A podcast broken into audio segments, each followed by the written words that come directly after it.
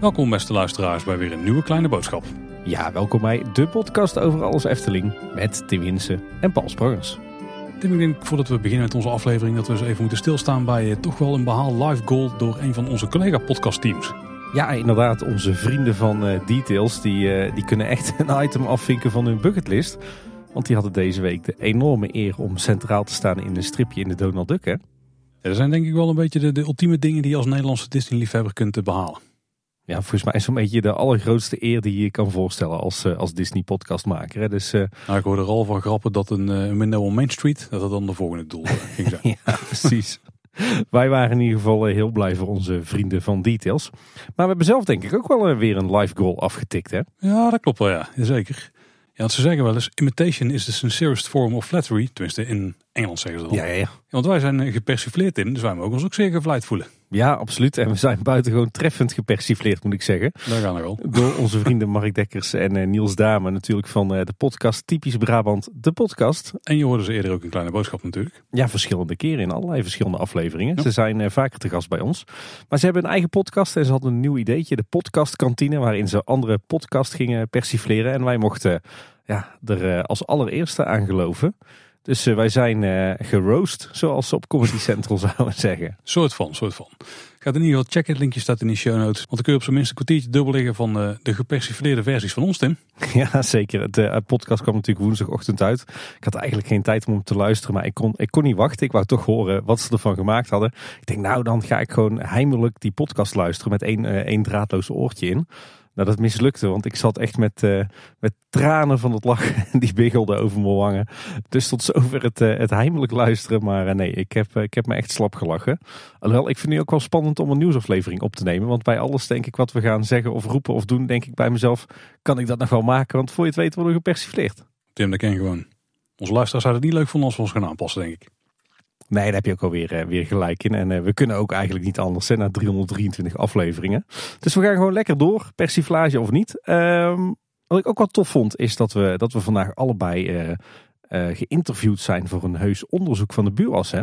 Oeh, wetenschappelijk onderzoek, ja. Maar daar gaan we later misschien nog wel uitgebreid op in. Dus we moeten niet te veel van spoilen. Nee, precies. En tot slot, Paul, jij bent ook een andere carrière begonnen, hè? Nou, andere carrière. Ik sta blijkbaar ook in telefoonboeken bij allerlei journalisten en zo. Dus ik was te horen op Radio 5. Ik moet zeggen, het was een verrassend leuk gesprek met Daniel Dekker. Ja, jij deed eigenlijk gewoon een, eh, een korte nieuwsaflevering op de Nederlandse radio. Hè? Want je mocht eh, al het Efteling nieuws van eh, de daaraan voorafgaande weken doorspreken met Daniel Dekker. Ja, dat was het, het idee inderdaad. En ik moet zeggen, hij was ook bovenmatig geïnteresseerd. Want je krijgt dat zo'n voorgesprekje. Dan wordt er een beetje doorgesproken. Hier gaan we het straks over hebben. Maar hij sloeg allerlei andere richtingen in. Die waren eigenlijk net zo leuk om over te kletsen. Dus dat was, was leuk. Ja. Nou, linkjes eh, in de show notes, dan kan je het allemaal op je gemak eh, eens gaan luisteren. En eh, luister dus vooral die persiflage van Typisch Brabant podcast. Maar laten wij gewoon aan de slag gaan, Paul, want dat is waarom mensen Kleine Boodschap luisteren. En dan beginnen we zoals gebruikelijk met de follow-up. Nou, mensen denken, wat een lange intro. Maar de follow-up valt dit keer mee. We eigenlijk maar één item. Dat gaat over aflevering 320. Eh, dat was natuurlijk Efteling de tentoonstelling. Waar wij de rondleiding kregen door conservator Joris. Want het Brabants Museum heeft zijn openingstijden namelijk verruimd in de weekenden. Van 10 uur s ochtends tot 6 uur s avonds. Want de tentoonstelling is zo'n groot succes dat er gewoon behoefte was aan meer tijdsloten. Ja, er waren al heel wat weekenddagen helemaal volgeboekt. Hè? Heel tof. En, eh, en we zien ook eh, dagelijks eh, heel veel tweetjes en andere berichtjes voorbij komen van luisteraars die ronddwalen in het Noord-Brabants Museum. Dus ben je er nog niet geweest, ga er zeker naartoe, want het is een must-do hè, voor de echte Efteling-liefhebber. Zeker. Nou, Tim, dan door naar de hoofdonderwerpen. En ten eerste een opvallend nieuwtje. Want de vorige keer toen hadden het over de kostenoverschrijding die bij Dans Macabre en het Efteling Grand Hotel zouden plaatsvinden. Die eh, zouden zo'n 20% zijn, zoals eh, Fons uitsprak in de krant. Maar wat blijkt nu, die kosten die liggen nog veel hoger. Want eh, dat had Loopings uitgevogeld. Ja, inderdaad. Loopings heeft even met een eh, woordvoerder van Efteling eh, gesproken. En die woordvoerder die wist te vertellen dat de bouwkosten voor zowel Dans Macabre als het eh, Grand Hotel nog verder zijn gestegen dan die eh, 20% die Fons in het interview met Brabants Dagblad noemde. Heeft niet alleen te maken met stijgende kosten en inflatie. Iets wat we natuurlijk in de hele bouwsector zien. Maar, en nou wordt die interessant, maar ook omdat we de omvang van beide projecten uitgebreid hebben ten opzichte van de eerste plannen. Wow. En dat is natuurlijk heel erg interessant. Vaak is het toch andersom. Hè. Als er sprake is van kostenoverschrijding, dan moet er bezuinigd en beknibbeld worden. En dan gaat de kaasschaaf overheen. Maar hier hebben ze dus ondanks de kostenoverschrijding bewust de keuze gemaakt om het project nog groter te maken. Wat het ook mogen inhouden. De voorlichter van Efting die noemt uiteindelijk geen definitieve bedragen aan uh, loopings. Ehm, omdat de projecten allebei nog zo'n anderhalf jaar lopen. En eh, dan kan er natuurlijk nog veel gebeuren op het gebied van bouwkosten. Maar uh, de totale projectkosten van die beide projecten samen. Die zouden nu al meer dan 100 miljoen euro bedragen. Terwijl ze natuurlijk in eerste instantie waren geraamd op 75 miljoen. Ja, met die 20% overschrijding, dat was natuurlijk al een miljoen of 15. Dus dan is er nog 10 miljoen extra sowieso bovenop gekomen, misschien nog meer ik hoop dan toch dat die uh, geroemerde bekleding van de Fabula loods, dat die dan toch gaat gebeuren met een mooie bergketen of zo daar. Oh. Dat zou wel heel gaaf zijn hè. Maar wie weet, het kan van alles zijn natuurlijk. Dit is vooral dagdromen. Maar dan heb je het dus over een overschrijding van het budget van meer dan 30% Dat is echt wel enorm fors, ook in tijden van inflatie. En ik vind het wel... Maar mogen we dat zo zien? Het is misschien niet het overschrijden van het originele budget. Dus het ten opzichte van wat ze ervoor hadden willen krijgen. Misschien is dat die 20% of fonds het over had, dat dat de inflatiecorrectie zeg maar is. Maar dat dan alles wat er bovenop komt, dat dat plus is. Ja, maar dat zie je over het algemeen toch ook wel als een kostenoverschrijding. Hè? Je maakt natuurlijk ergens een keer een, een begroting en dan stel je een budget vast. En als je na dat moment uh, er allemaal dingen bij gaat halen of bij gaat verzinnen en het project wordt duurder, ja, dan is dat wel een overschrijding van je budget. Nou, niet als je het als nieuwe potje ziet. Ja, dat is waar. Jij verkoopt het goed, Paul. Ik weet niet hoe ze dat doen, maar zo zou ik het ook verkopen. Maar op zich wel heel erg verrassend dat de Efteling er dus uh, niet voor kiest om te bezuinigen, zoals ze natuurlijk uh, de afgelopen, ja, misschien wel tientallen jaren vaak deden. Maar dat ze het nu als het ware gewoon accepteren en, en doorbouwen. Dus blijkbaar ligt er aardig wat geld op de plank bij de Efteling. Weet je, wat is de laatste paar afleveringen hebben het regelmatig erover dat geld tegen de plinten lijkt te klotsen. Vooral met een hoop onderhoudswerk wat gedaan moet worden en zo. En toen zat ik er nog zo over te filosoferen of vooral goed over na te denken in de afgelopen dagen sinds dat we dit hebben geleerd. En toen dacht ik van ja, maar het is ook niet zo heel vreemd dat er nu heel veel geld in kas zit. Dat, dat er gewoon echt heel veel contanten zouden zijn. Want de Efteling heeft natuurlijk in eh, de jaren na corona, dus eh, zeg maar 2020 en 2021, hebben ze best wel veel bezuinigingsmaatregelen doorgevoerd. Het personeelsbestand is flink eh, kleiner geworden in eerste instantie. Ja. Ehm, dus begin 2022 was het best wel een, een organisatie die niet heel veel standaard kosten maakte. Of in ieder geval een stuk minder ten opzichte van de jaren daarvoor. Echt 20, 30, 40 procent minder misschien dan de jaren daarvoor. Ja, ja, die bezuinigingen van de jaren daarvoor, die elden eigenlijk nog als het ware een beetje na. Hè? Ja, dus je krijgt dan een jaar waarin in één keer de kaststromen weer vol open gaan. Waardoor dus enorm veel geld binnenkomt, maar de kost een stuk minder dan dat je normaal gesproken had. Ja, dan hou je gewoon heel veel geld in één keer over onderaan de streep. En wat je niet wil is dat je van die mega winsten aan het eind van het jaar overhoudt. Dus het financieel jaarverslag dit jaar wordt toch heel interessant. Ja. Maar dat je, dat, dan ga je de geld ga je gewoon investeren. Want ja, winstbelasting betalen heb je niks aan. Vanuit de stichting gedacht is het ook helemaal niet de bedoeling volgens mij dat ze gaan zitten oppotten. Dus ja, dan, dan ga je het in heel veel onderhoud stoppen. In alvast voorbereidingen aan de oostkant van het park. Want dat hadden ze ook helemaal niet hoeven doen op dit moment. Je nee, gaat alvast nee. inkopen doen voor je bouwprojecten. Die ga je misschien ja, in ieder geval niet op beknibbelen. Dat is dan het laatste wat je doet. Ik denk dat het gewoon een hele mooie samenloop van omstandigheden is. En dat dat misschien wel een van de redenen is dat ze hier veel meer kunnen uitpakken dan ze initieel hadden bedacht. Maar een project in de Efteling van 100 miljoen, Tim. Er zijn gewoon Disney bedragen. Ja, dus het komt in de buurt van Disney bedragen, laat het zo zeggen. Het zijn natuurlijk wel twee projecten, hè? Ja, oké, maar dan nog steeds. Maar toch, het is een enorme investering in een paar jaar tijd. Hè? Zeker als je dan ook nog al die andere projecten bij optelt. Hè? De, de zonnepanelen, al het groot onderhoud, de aanpassingen aan attracties, een 6 miljoen naar droomvlucht. Nou ja, volgens mij zijn de, zijn de investeringen nog nooit zo enorm hoog geweest als, uh, als het afgelopen jaar en dit jaar. Ja, voor mijn gevoel uh, is het zo dat nu oude tijden herleven. Want, want ik weet niet anders dan dat tijdens een hoop eerdere projecten de afgelopen jaren... dat er telkens werd beknibbeld. Hè. Denk aan de Vogelrok, denk aan de Max en Moritz... Uh, denk aan een Vliegende Hollander. Het was altijd maar bezuinigen als projecten duurder uitvielen. Maar ja, wat zou de laatste keer zijn geweest dat een project echt fors duurder uit is gevallen... maar dat, dat men dan toch gewoon heeft geaccepteerd ten gunste van de kwaliteit? Droomvlucht? Ik denk dat de laatste keer was voordat Erik van der Brand de scepter ging zwaaien. Want die had gewoon uh, die had beter vinger aan de pols, denk ik. Ja, inderdaad. Die was daar wel van, ja. ja. En niet dat het per se beknippelen was of zo, maar vroeger was het projectmanagement waarschijnlijk zo je touwtje dat niemand die uh, financiële kant in de gaten hield. Ja, en dan zag je eigenlijk pas aan het eind van het project hoeveel je nou uitgegeven. Maar ik denk dat in de tijd dat Erik daar uh, de scepter is gaan zwaaien, dat het een stuk meer professioneel is geworden. Ja. Inderdaad. Ja. En je hebt het nu dus over een overschrijding van 30, 35 procent. Ja, ik denk dat ah, dan... Een bewuste overschrijding voor een grote Een bewuste overschrijding, ja, ja, klopt. Maar ik denk dat we dan echt, eh, echt moeten gaan teruggaan naar tijden zoals eh, Droomvlucht, Fata Morgana, het Spookslot. Dat waren alle projecten die gingen een keer over de kop qua kosten. Ja. En dat, uh, dat gebeurt nu dus weer. En uh, ze laten het gewoon gebeuren. Dus ik denk dat dat iets is waar wij als, als Efteling-liefhebbers alleen maar ontzettend blij mee kunnen zijn. Want ja, blijkbaar is er dus en meer dan genoeg geld om te investeren. Ja, dit is natuurlijk fantastisch nieuws voor de kwaliteit van zowel het hotel als Dans Macabre. Want uh, er gaat in ieder geval niet de kaasschaaf over. En misschien wel een goede kanttekening om te maken. Het is natuurlijk zo dat begin 2020 toen uh, was de kostenkant van Efteling best wel laag. Maar in het afgelopen jaar hebben ze de organisatie in een rap tempo opgebouwd. Dus de kosten die zijn zeg maar begin van 2023 voor de rest van het jaar waarschijnlijk al een stuk hoger geraamd.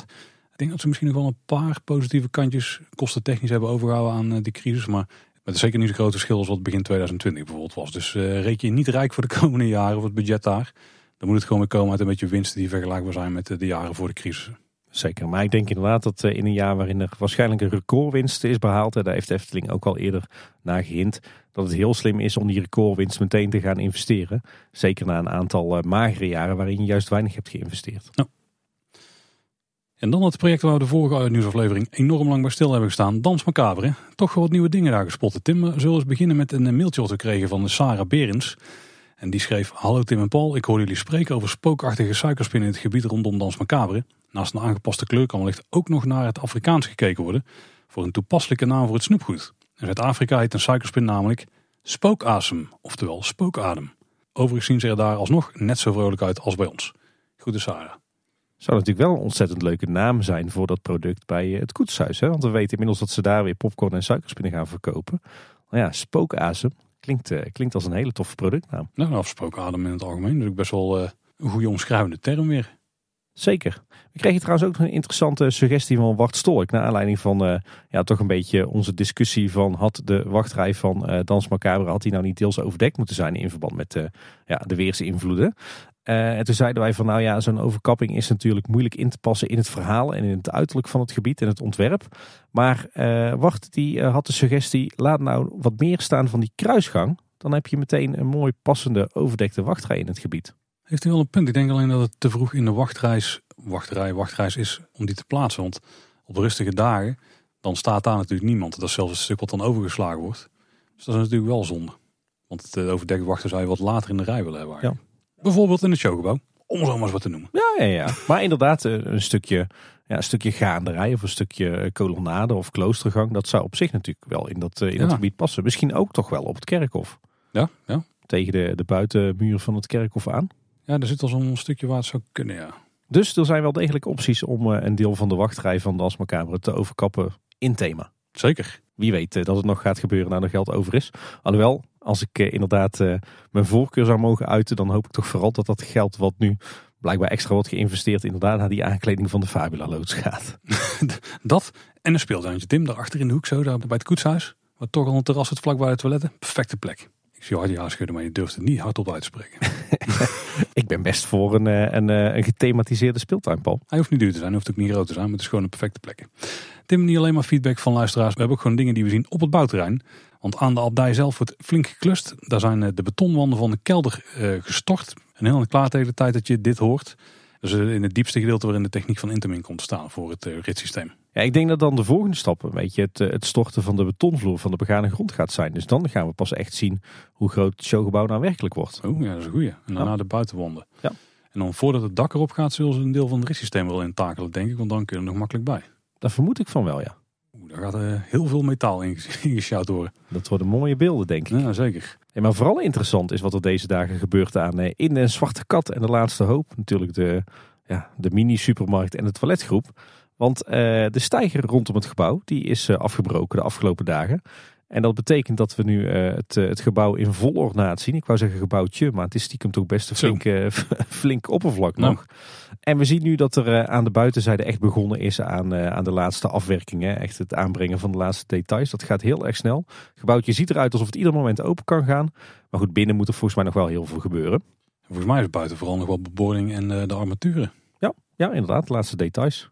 Er is namelijk veel gebeurd de afgelopen twee weken. Uh, wat heel mooi is, is dat ze die houten dakspanten die ze eerst heel netjes hadden aangebracht hè, voor dat pannendakje, dat die uh, inmiddels inderdaad helemaal verweerd zijn gemaakt. Die zijn flink te grazen genomen met, met de zaag en de bijtel, denk ik. En ook helemaal mooi zwart geblakerd. en er zijn ook wat, wat hele mooie oude Hollandse dakpannen op aangebracht.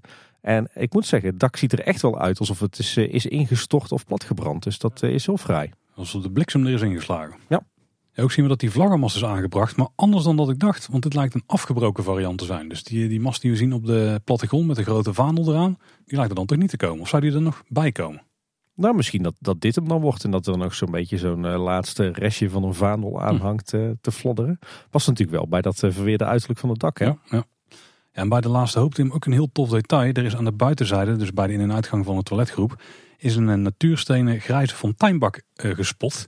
Met erop, volgens mij is er op dit moment één mooie koperen kraan op. Ja. Ik denk dat we daar straks onze handen kunnen wassen. Misschien wel een soort, uh, vergelijkbaar met bij het gemak zien, dat je ook je flesje kunt vullen en zo. Dit wordt een heel tof element van dit gebouwtje. Ja, en ik, zag, ik zat even te kijken naar een foto die, die hier net binnenkwam. En ik dacht, zit er nou een veldje op de bak of zit er nou stiekem een bedriegertje in die bak uh, gemonteerd? Ik zit die foto nog eens te bekijken en ik snap inderdaad wat je bedoelt. Er steekt een of ander metaal, uh, zou inderdaad een nozzel of zo kunnen zijn, uit de bak. Maar dat is wel heel vreemd toch? Ja. Vreemde plek. Als je die zou willen verstoppen, dan zou je hem niet daar plaatsen. Ja, het lijkt een beetje een stalen pin of zo die uit de natuursteen uh, fonteinbak steekt. Hè? Zouden ze die gewoon nog moeten afslijpen en dan dicht smeren? Dat Ik zou weet- kunnen. Ik weet niet, maar er lijken inderdaad drie fonteintjes te komen. Heel tof. En nu ik naar die foto kijk, Tim, ik zeg net dat die van koper was, die ehm tuitjes. Maar die lijken van verroest ijzer of zo te zijn. Ja, inderdaad. Hm. Past ook wel weer helemaal bij het sfeertje daar. Hè? Dat is zeker waar, ja. Ook een heel tof roestig roostertje daar nog eh, ergens in de gevel van, eh, van de toiletgroep. Dat eh, ziet er allemaal heel fraai uit. In het hele gebouw zijn inmiddels ook de deuren geplaatst. Ook, allemaal mooi uitgevoerd in verweerd hout en mooi piekblauw geschilderd. Ehm, en eigenlijk is rondom eh, het hele gebouw al het eh, houtwerk inmiddels eh, netjes gebijtst of piekblauw afgelakt. Stiekem best veel hout eigenlijk aan het gebouw. Met name aan de achterzijde die we straks kunnen zien vanaf de laan van de Max Moritz naar de Piranha. Want die hele back of the house, het hele servicegedeelte voor het personeel, dat is helemaal dichtgetimmerd met, met ja, een beetje groenig hout. Hè?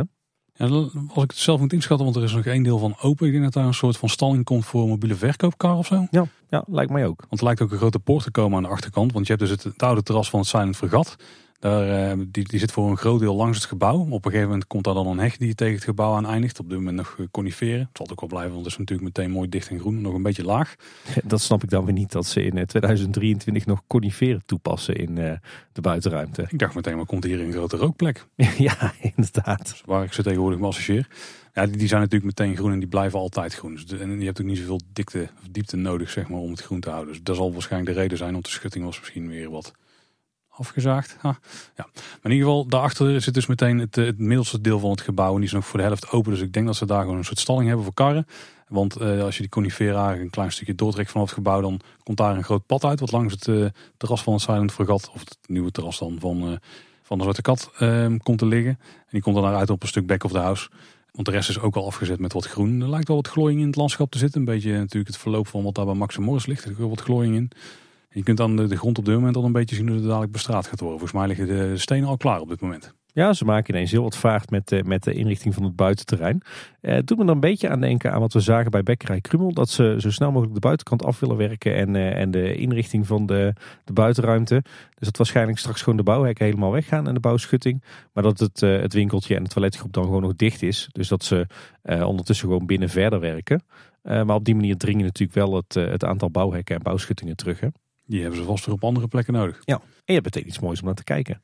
Nou, wat, eh, wat me van tevoren opviel is dat de achterkant van eh, de laatste hoop, dat er nogal een saai stuk gebouw is. Vooral heel veel steen en een beetje plat stukwerk, zeg maar. Niks spannends. Maar dat is natuurlijk ook niet zo vreemd, want dit is eigenlijk een stukje waar je alleen maar de bovenkant van ziet straks. Want dit was een stuk back of the house wat gewoon af is gezet. Want ik neem aan dat dit ook het plein is waar wat containers komen staan en zo. Misschien dat dit ook wel betrokken wordt voor een deel bij het koetshuis. Dat het daar ook de back of the house van is. Dus ja, dan wordt het gewoon een, een vrij druk stuk wat aan het oog ontrokken wordt. Ja, ja, je zal het alleen vanuit Maximum Oorts nog kunnen zien. Hè? Nee, goed punt. Ja, ja. tot het daar een, eh, een hopelijk volwassen bos is, eh, is gegroeid. Eh overigens voorzien aan, het, aan de gevel van de laatste hoop ook nog twee ja, heel mooi gedetailleerde houten bakken verschijnen. Ik ben heel erg be- benieuwd waar dat voor is. Of dat daar bijvoorbeeld wordt aangegeven waar de mannen en de vrouwen toilet is. Tenzij we natuurlijk eh, genderneutrale toiletten krijgen.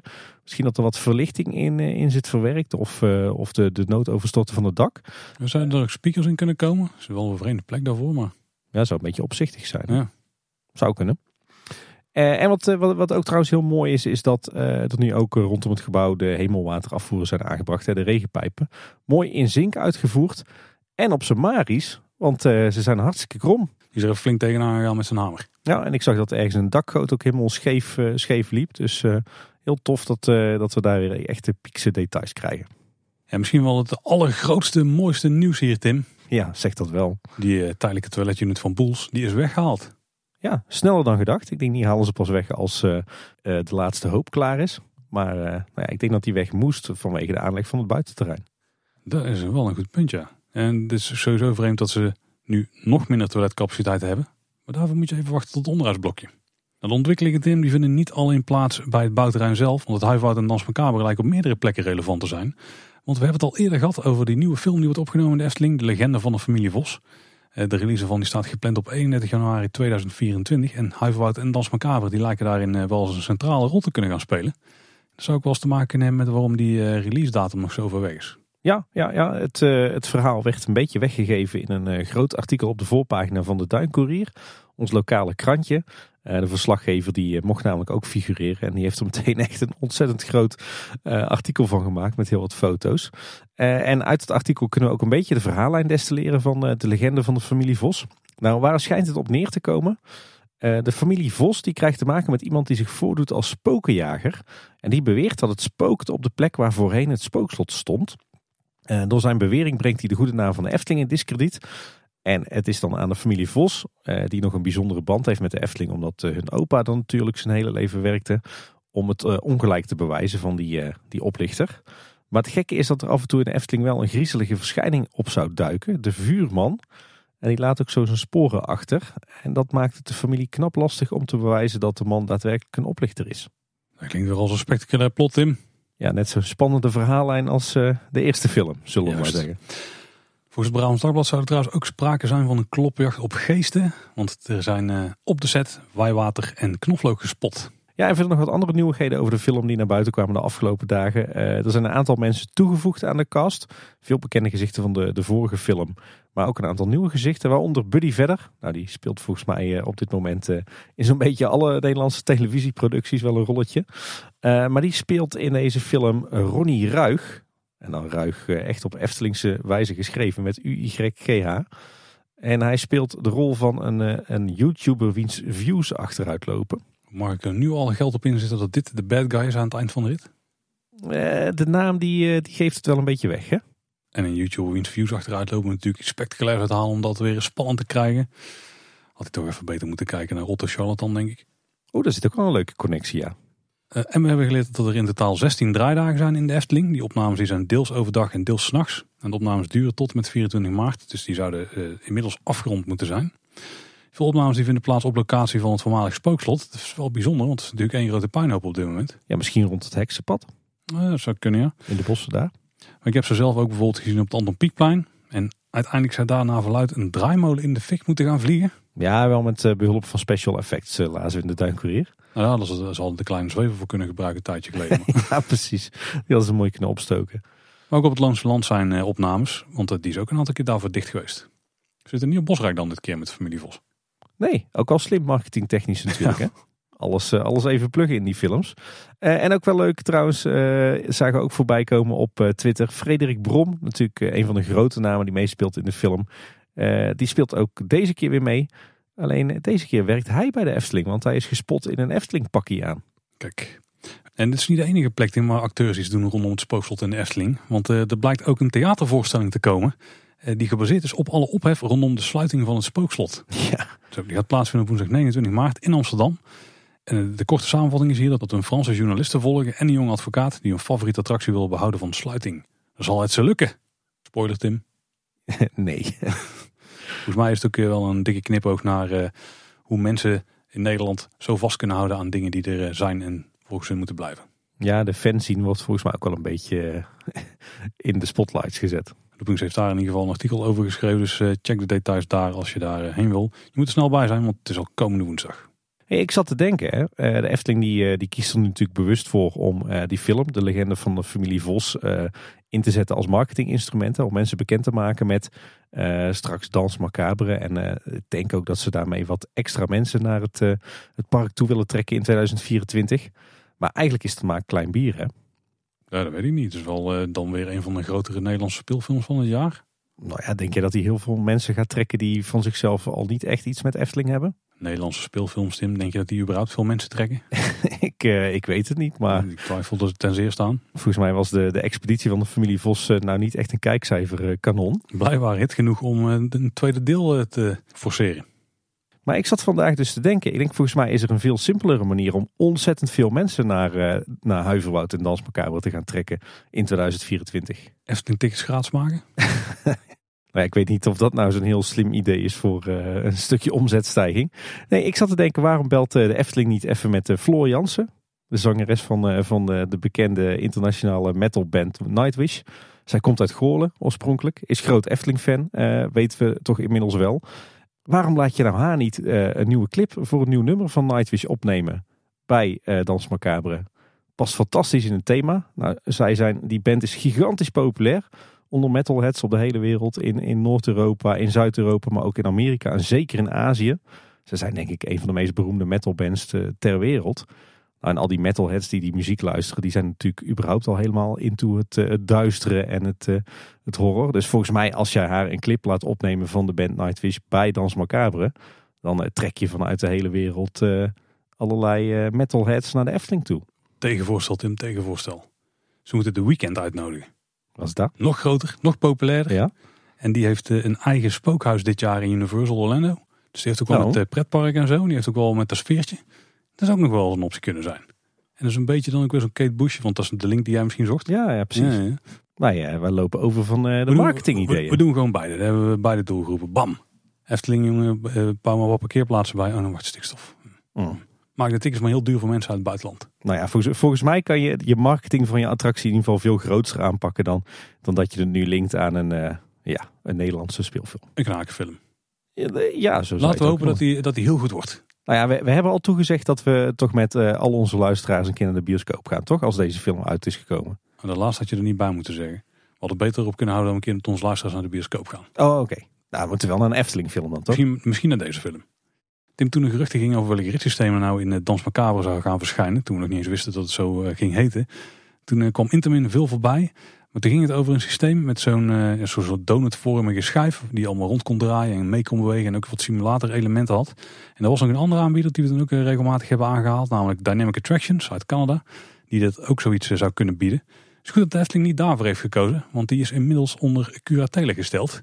Ja, die zit echt in financieel zwaar weer, ja. En meestal zie je wel met die attractiebouwers die toch doorstart te maken en zo. Maar het is meestal geen goede basis om verder te bouwen als je toevallig midden in een project zit of zo. De Efteling heeft daar denk ik eh, in de geschiedenis al diverse nare ervaringen mee gehad. Hè. Denk aan Droomvlucht, denk aan de Vliegende Hollander. Maar in de categorie eh, Beter Nieuwsteam er is ook een eh, fan geweest. Heeft een enorm vette 3D-visualisatie gemaakt van het Huiverwoud. In de schemer en in de mist. Lijkt zelfs wel wat sneeuw of zo te liggen. Maar dat is misschien door de manier waarop die gerenderd is. Alex Baan, check het bijvoorbeeld op Twitter of check het gewoon bij Loopings. Want die hebben een mooi interview met Alex online gezet. Echt een hele toffe plaatje die eruit heeft gehaald. En heel mooi dat je dan op zo'n manier ook net wat andere hoeken kunt zien dan dat we in de concept uitzien. Ja, ja, heel gaaf hoe hij echt gewoon op basis van die, die paar impressietekeningen die we hebben gezien, hoe hij gewoon echt het volledige huiverwoud in 3D heeft, uh, heeft uitgewerkt uh, in best wel hoog detailniveau. En ja, hij, hij weet toch wel een heel tof sfeertje neer te zetten in, uh, in zijn renders. Ik vind het ook heel tof om dan al die lampjes aan te zien die hij ook overal heeft verwerkt in zijn ontwerpje. Ontzettend toffe plaatjes. En weet je wat ook wel grappig was? Ik weet niet of dit bewust is of, of gewoon toeval.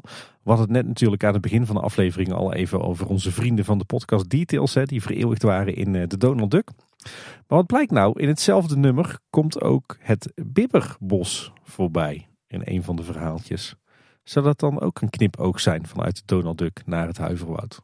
Ik neem aan dat ze bij de Donald Duck ook Team Park fans zijn, dus het zou zomaar kunnen, ja. Bibberbos, Huiverwoud, moet toch haast wel. En uh, tot slot ook nog een hele grappige vondst van uh, luisteraar van ons, Roendi. Uh, wat blijkt, er was in Aalst, dat is een plaatsje in België, een, een orgel of een dansorgel in een café dat luisterde naar de naam De Zwarte Kat. Is het toeval? Of is het misschien toch ook wel inspiratie geweest voor Dans Macabre? In ieder geval is het best wel interessant leesvoer en er zit ook een, een kort podcastje bij. Dus we zullen een linkje naar de website van de VRT plaatsen in de show notes. En dan kan je daar ook eens wat dieper induiken. Ik blijf veel teruggrijpen naar de vorige nieuwsaflevering, besef ik me. Want toen hebben we het ook al gehad over een gerucht wat toen ging. Over Over eh, NFT's en spookslot en de metaverse en weet ik veel wat het allemaal niet was. Ja, die materie waar ik heel veel van begreep, maar niet heus. En toen hoopten wij dat het eh, ging om een 1 april grap. Maar de cat is out of the bag. De zwarte kat in dit geval met twee gekleurde ogen denk ik. Ja. En eh, het is echt zo. Dit is geen 1 april grap. Het is gewoon echt iets wat binnen de Efteling speelde. En nou, la- laat het gewoon even stap voor stap behandelen. Want in de basis is het wel tof. Zeker. Want in de basis is wat er dus is gebeurd, is dat het eh, gebouw en de hoofdshow tot in details zijn ingescand. En niet alleen de show zelf, maar ook echt de hele aanloop naartoe door het gebouw heen. En vanaf eind april kan iedereen om het digitale spookslot heen gaan lopen. Dus eh, in, eh, in virtual reality als je zo'n bril tot je beschikking hebt. En alleen, maar alleen Efteling personeel die kan echt in het spookslot kijken. Met een digitale sleutel in de vorm van een NFT. Personeelsleden mogen de NFT zelf houden. Maar ze kunnen ook verhandelen met Efteling liefhebbers. Of in ieder geval mensen die ook de binnenkant willen zien. En de opbrengsten ervan die mogen dan zelf houden. De Efteling zelf die wordt daar eh, niks rijker van. Nou, hoe werkt het dan volgens de Efteling zelf? Nou, de metaverse is een virtuele belevingswereld. Het wordt ook wel een real-world simulatie genoemd. Dat is een mooie combinatie van Nederlands en Engels woorden trouwens. Omdat vrijwel alles uit de echte wereld nagemaakt kan worden in de metaverse. Men kan bijvoorbeeld hobby's uitoefenen, musea en concerten bezoeken in de digitale wereld van de metaverse. En een NFT heeft een uniek karakter en is niet na te maken. Daarom kan het dienen als een digitale sleutel tot bepaalde onderdelen in de metaverse. Is het dan een soort QR-code of zo? Ik eh, wil het jou dadelijk in een klein eh, college wel uitleggen, Tim. Oké. Efteling zegt ook nog, de NFT zorgt ervoor dat de exclusiviteit gewaarborgd blijft. Nou, Daar hebben we al heel veel ervaring mee. Is het wel zo? Het ziet er echt gruwelijk vet uit. Er is een video uitgebracht waarin, zal, eh, waarin we zien hoe dit eruit ziet. En het ziet er wel echt, ja, ziet er chic uit. Ja, ja, sowieso zie je dat de buitenkant van het slot echt eh, tot in detail is ingescand. Maar wat ik vooral gaaf vind, is dat je dus eh, de hoofdshow echt tot in het allerkleinste detail ziet heel even in 3D. Ja, en de wachtrij dus, dat je daar gewoon doorheen kunt wandelen. Tenminste, als je een NFT hebt, want die heb je dan wel nodig.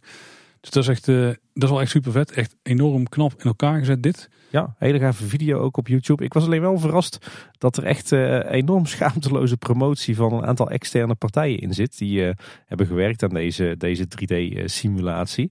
Eh, daar zal vast een deeltje achter zitten. Maar ja, volgens mij doet normaal gesproken de Efteling dat toch nooit dat ze externe partijen zo op de voorgrond zetten en zo de hemel in prijzen. Ik denk dat die deal inderdaad de reden erachter is. Ja, Ik denk voor die club ook gewoon een mooie showcase om te laten zien wat ze nou kunnen. Want een van de clubs erachter is de Weekend Creative Agency. En eh, Bas Uitenhouwen is een van de mensen die daar werkt. En die had op LinkedIn nog een eh, kijkje achter de schermen gegeven.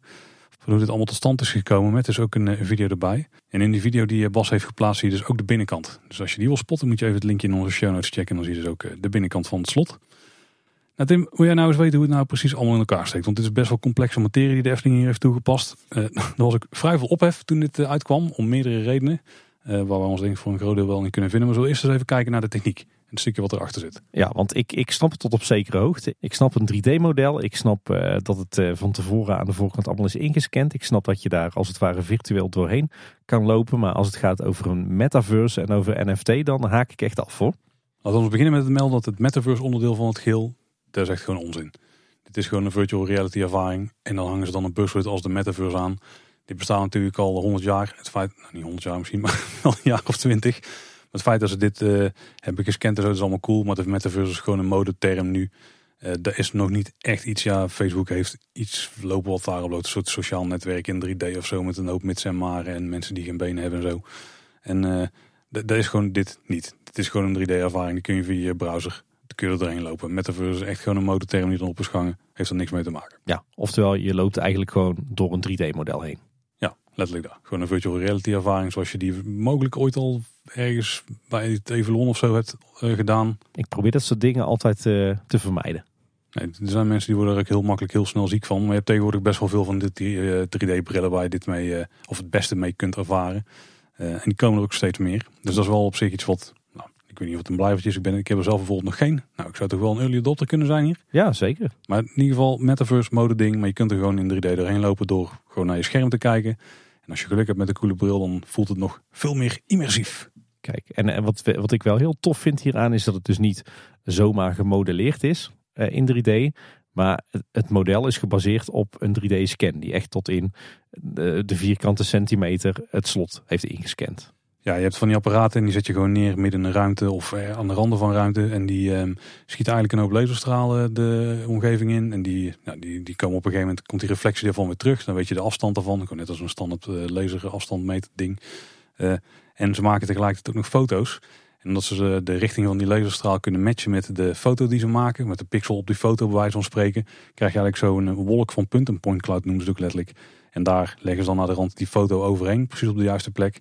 En daardoor krijg je eigenlijk vrij simpel, zonder al te veel moeite. Al zit er altijd nog heel veel clean-up werk aan. Dat is denk ik waar die bedrijven vooral een tijd in hebben gestopt. En de belichting en zo nog regelen. Uh, zit er daarin. Je hebt tegenwoordig ook nog wel wat andere technieken.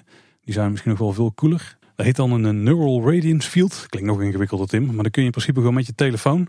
Kun je, of met in ieder geval een camera. Kun je gewoon de omgeving scannen. Dus bij wijze van spreken honderd of duizenden foto's maken. Die construeert er dan zelf een 3D-model van. Maar er zit ook echt alle belichting en zo in opgenomen. En alle oh. materialisering en zo is echt gruwelijk vet. Als je een keer zoekt naar NERF en ERF. Ehm, en dan daar wat demo's van bekijkt. Wat ze dan doen. Dus dat is echt gruwelijk vet. Dat had hier ook voor gebruikt. Het lijkt qua effect ook wel redelijk veel. Maar dat kost nog minder moeite. Maar dat is in ieder geval hoe ze die omgeving hebben gemaakt. En dan kun je daar doorheen. Ik weet, ik weet dus niet of dat de show ook volledig afspeelde. Dat denk ik eigenlijk niet. Weet ik niet. Zo te zien hebben ze wel uh, dus zo'n 3D-scan gemaakt in de hoofdshow. Dus ze hebben wel zo'n laser echt achter het glas gezet in het, uh, in het showgedeelte, zeg maar. Ja, zeker, ja.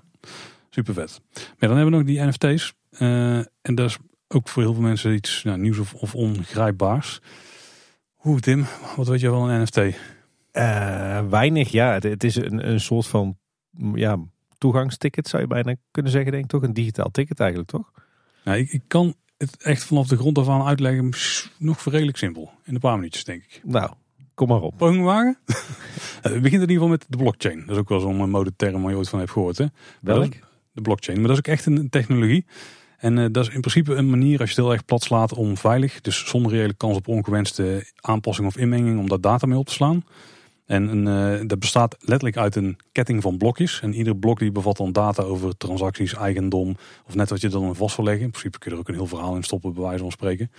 Zo'n ketting van blokjes die staat op meerdere computers in een netwerk. En zo'n netwerk die vormt dan bijvoorbeeld uh, het Bitcoin-netwerk of het Ethereum-netwerk. Die laatste is dan degene waar die NFT's ook op staan van de Efteling. Als er dan een nieuw blok gemaakt moet worden, gaat hij naar iedere computer in het netwerk. En ieder blok wijst dan ook weer naar het vorige blok, waardoor je die ketting uiteindelijk krijgt. En het voordeel is dat je dus, je kunt niet een wijziging doen in een blok door de manier waarop die steeds naar elkaar wijzen, zonder dat de rest van die ketting helemaal kapot gaat. Maar als één iemand dus een wijziging aanbrengt in zo'n blokje, dan is dat de waarheid op die ene computer. Maar de rest van het netwerk niet. Dus de rest kan wel zeggen, daar klopt geen reet van. Hè? Dus daarmee kun je eigenlijk op een manier data vastleggen voor altijd, die niemand meer kan wijzigen. En dan weet je dus zeker dat als je bijvoorbeeld het eigendom van iets daarin vastlegt, dan klopt dat ook altijd. Al die waarheid, de waarheid die daar staat, die klopt. Dat is anders dan een getalletje in een database van de Rabobank, waar in principe iemand twee nulletjes achter kan zetten. En dan ben jij best blij. Totdat iemand erachter komt, dan ben je uitgenaaid, denk ik. Nou, die NFT's, dat zijn eigenlijk gewoon stukjes data die dan zijn vastgelegd. Want een NFT is in tegenstelling tot een bitcoin-achtig ding of zo. Eh, wat gewoon waarde vertegenwoordigt. Vertegenwoordigt een NFT eigenlijk een object of een iets. Dus het is meer een soort van akte van eigendom voor een, ja, in dit geval toegang tot het spookslot. De digitale variant daarvan. En er worden dus gewoon x NFT's uitgegeven. Het is ook niet zo dat je die kunt kopiëren of zo. Iedere NFT is een op zichzelf staand ding. Waarvan dus in een blockchain uh, wordt vastgelegd wie de eigenaar op dat moment is. Want die wordt toegekend aan iemands digitale wallet. Nog zo'n mooi ding, Tim. Dus in principe leg je gewoon vast van toegangsticket A, die behoort aan online portemonnee X. En die is dan toevallig van jou. En daarmee ben je eigenlijk eigenaar van het toegangsticket tot het spookslot. En dat is wel een groot verschil dus met zo'n cryptocurrency ding. Want daar vergelijken heel veel mensen het mee. Maar het is dus niet iets wat waarde representeert. Maar het representeert iets wat waarde kan hebben. Dat is net, net wat anders. Klein detail. Dus het is het eigendom van het schilderij. Maar niet een stapel met centen.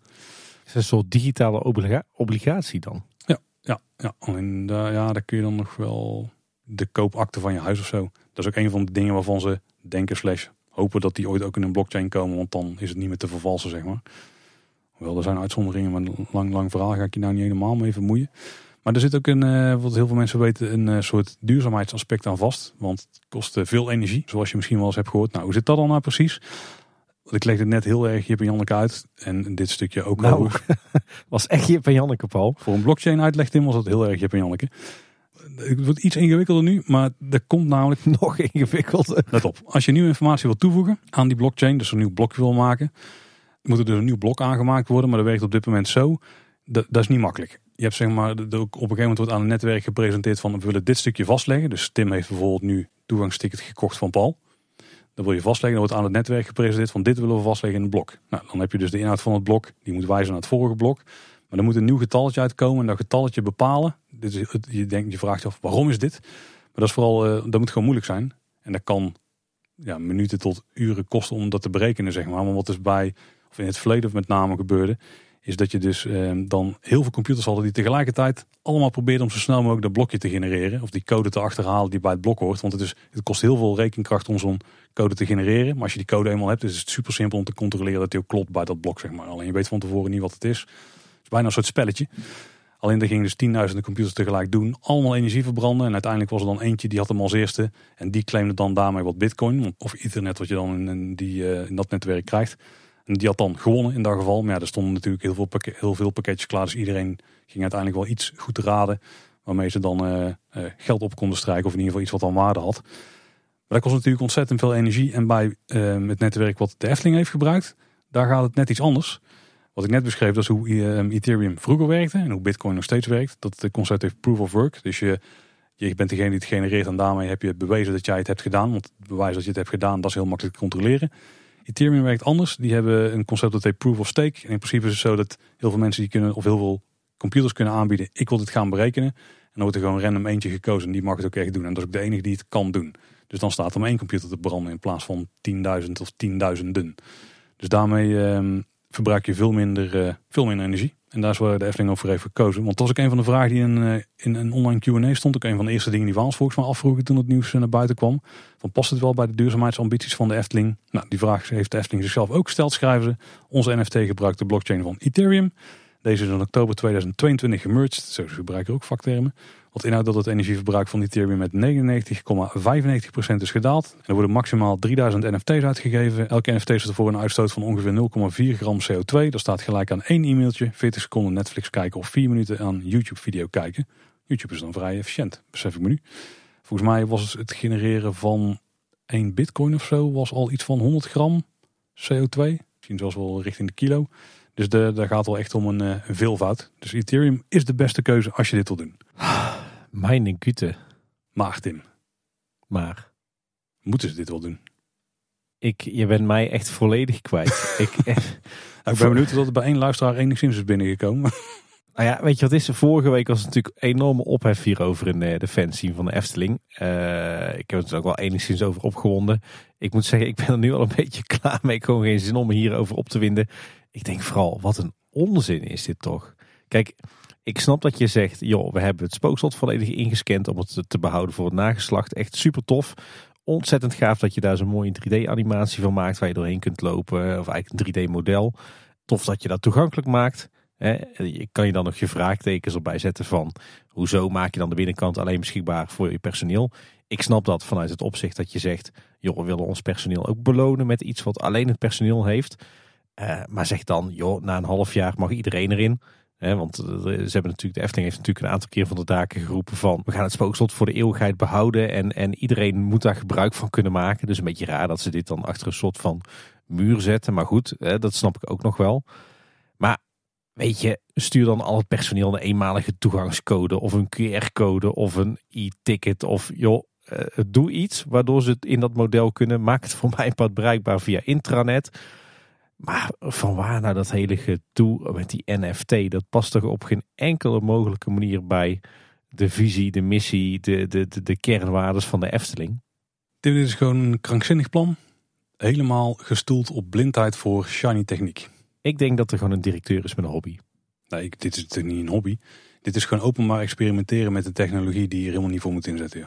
Ik denk dat we uiteindelijk uh, hetzelfde bedoelen. Ja, het feit dat ze zo hameren op die metaverse, wat gewoon echt onzin is, daar kan ik me al vrij hard aan storen. Dat is gewoon echt buzzwords eh, in je persberichten proppen, zeg maar, en in je videootjes.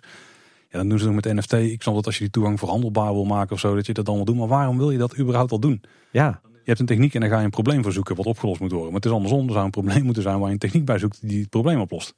En sowieso, waarom überhaupt schaarste creëren en dan uh, je medewerkers een exclusieve toegang geven. En vervolgens zeggen, ja, je mag die toegang ook lekker gaan verhandelen op een of andere digitale marktplaats. Daar moet je toch je medewerkers helemaal niet mee belasten en toch helemaal niet voor in willen zetten.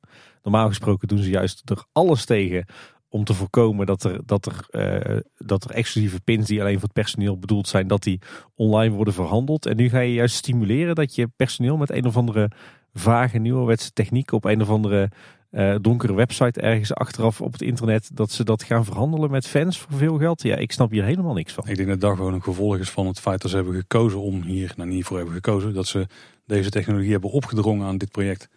Want maar waarom? Nou ja, als je dit gewoon achter het internet, achter het login had gehouden, iedereen heeft toch al een login. Dan had je er gewoon ingekund. Alleen ja, nee, NFT's is vet, uh, vet fancy, die moeten we mee experimenteren. Ja, maar wie, wie roept dat? Waarom zou je dat willen? Ja, dat weet ik ook niet, maar dat is wel gebeurd. Dat, is, dat, dat kan niet anders dat er hier is gebeurd. Dit slaat helemaal nergens En toen kwamen die NFT's er, ja, maar als we die hebben, die kunnen ze gewoon veranderen. Hè? Nou ja, dan staan we dan maar toe, want anders dan, we hebben die NFT's super vet, jongen. Iedereen NFT helemaal Ja, maar er is toch niemand binnen de Efteling die dit super vet vindt? Ja, nee, blijkbaar wel. Anders was dit er niet gekomen. Ik, ik snap hier niks van. Ja, je bedoelt van de, van de werknemers. Ik denk dat er ook niemand op zit te wachten. Nee, ja, nee, je gaat hier toch je personeel niet mee belasten? Nou, het feit dat ze eh, al volgens mij drie of vier sessies hadden, waarbij je uitleg kon krijgen over hoe wat het nou was. En dat je zo'n college zoals je net kreeg, waar je waarschijnlijk bij in slaap bent gevallen, in nog langere vorm ook nog eens kon krijgen. Ja, maar waarom? Wat is het belang erbij? Weet je, geef je medewerkers in die tijd een cursus Frans of zo? Extra ogen. Er is iets wat glimt en dat moet je gewoon hebben. Ja, maar weet je, als je dan je personeel iets exclusiefs wil geven, geef ze dan nog een pin of geef ze een extra VVV-bon van 100 euro. maar kom aan, jongens. niemand zit hier toch op te wachten? Dat kan ik me ook niet voorstellen, nee. Zet, zet gewoon lekker dat 3D-model van het spookslot op achter een, achter een muur op internet. En na een half jaar is het voor iedereen toegankelijk via de Efteling-website. En hou het daar gewoon lekker bij. Ja, en daar komt het in. Ze kunnen nou niet meer terug. Hoezo niet? Ze kunnen niet, nu ze die NFT's hebben uitgedeeld aan die medewerkers, later nog eens zeggen van, en nu is het voor iedereen beschikbaar. Want dan zijn, er, dan zijn er NFT's behandeld. Er zijn misschien, ik heb geen idee, eh, tientallen honderden euro's per NFT aan uitgegeven. En er is dan in één keer niks meer waard. Ze kunnen nu niet meer terug. Dit, deze keuze is gemaakt. Dit is gewoon hoe het blijft. En dat vind ik misschien wel het allerschraalste. Als het namelijk achter een login had gestaan, had je altijd nog kunnen zeggen van, nou, oké, nou een half jaar hebben de medewerkers kunnen kijken. Ik zal niet weten waarom die schifting er is. Je wil iets voor iedereen brengen, zou ik denken. En nog een extra focus op de Efteling. En dan doe je het op deze manier, maar dan ook nog op zo'n manier dat je ook niet meer terug kan op de manier hoe je het nu hebt gedaan. Je kunt niet later nog eens zeggen van, nou, het is nu een jaar geweest. Iedereen die mag nou uh, in spookslot gaan ronddwalen in virtual reality. Dat kan gewoon niet, want dan heb je al die NFT's in één keer niks meer waard gemaakt. Nou ja, dit is volgens mij uh, zo'n beetje het meest bizarre project wat ooit in de Efteling heeft gespeeld. Ja. Uh, en we hebben er eigenlijk al veel te veel tijd aan, aan besteed. Want, uh, nou, ja. misschien dachten ze van, we hebben toen zo slecht aangepakt met de, de communicatie rondom het spookslot. Laten we zorgen dat we iets nieuws gaan doen, waardoor iedereen dat vergeet. Het is een soort overtreffende, overtreffende trap. Eerst de communicatie rond de sloop van het spookslot. Daarna het spookslotboek in beperkte oplagen en nu dit. Dat denk ik, ja. Ja, nou ja, weet je, eh, het, eigenlijk is het ook allemaal maar bijzaak. Hè. We krijgen een fantastisch eh, themagebied Huiverwoud. We krijgen een prachtig dansmacabre. Het komt er allemaal super gaaf uit te zien. En Tim, hoe hyped ben jij om in virtual reality door het spookslot heen te lopen? Ja, ik zou het leuk vinden, maar ik nou, ga er niks... Uh... Echt geen enkel interesse meer in al die doe. Nou ja, dat was precies wat ik wou zeggen. Weet je, we richten ons gewoon op... Uh, we denken terug aan het, het prachtige spookslot. Met een aantal mooie YouTube-video's en een prachtig boek. En we kijken vooruit naar echt een fantastische attractie in een fenomenaal themagebied. Waar nu de afgelopen dagen al een eerste prachtige gebouwtje van onthuld. Dus ik denk dat het daar vooral om moet gaan. En hiervan doen we gewoon net of het niet bestaat, toch? dat denk ik wel, ja. Dan doet het inderdaad Efteling Grand Hotel. Daar moet je straks ook een uh, entree-ticket voor hebben. Volgens mij niet in de vorm van een NFT. Daar uh, is wat gebeurd. De vorige aflevering hebben we het niet benoemd. Uh, we hebben bijvoorbeeld weer een toffe luchtfoto gehad van Nick Ringelberg. En daarbij zie je vrij goed de contouren van het zwembad nu. Al kan ik er niet echt een duidelijke vorm aan geven. Zie dat de vierkante bakken, we dachten ooit een soort hamervorm. Het lijkt allerlei hoekjes te hebben en zo. Ja, we zullen wat linkjes in de show notes zetten naar verschillende luchtfoto's van Nick. Natuurlijk de meest actuele, maar ook een oudere.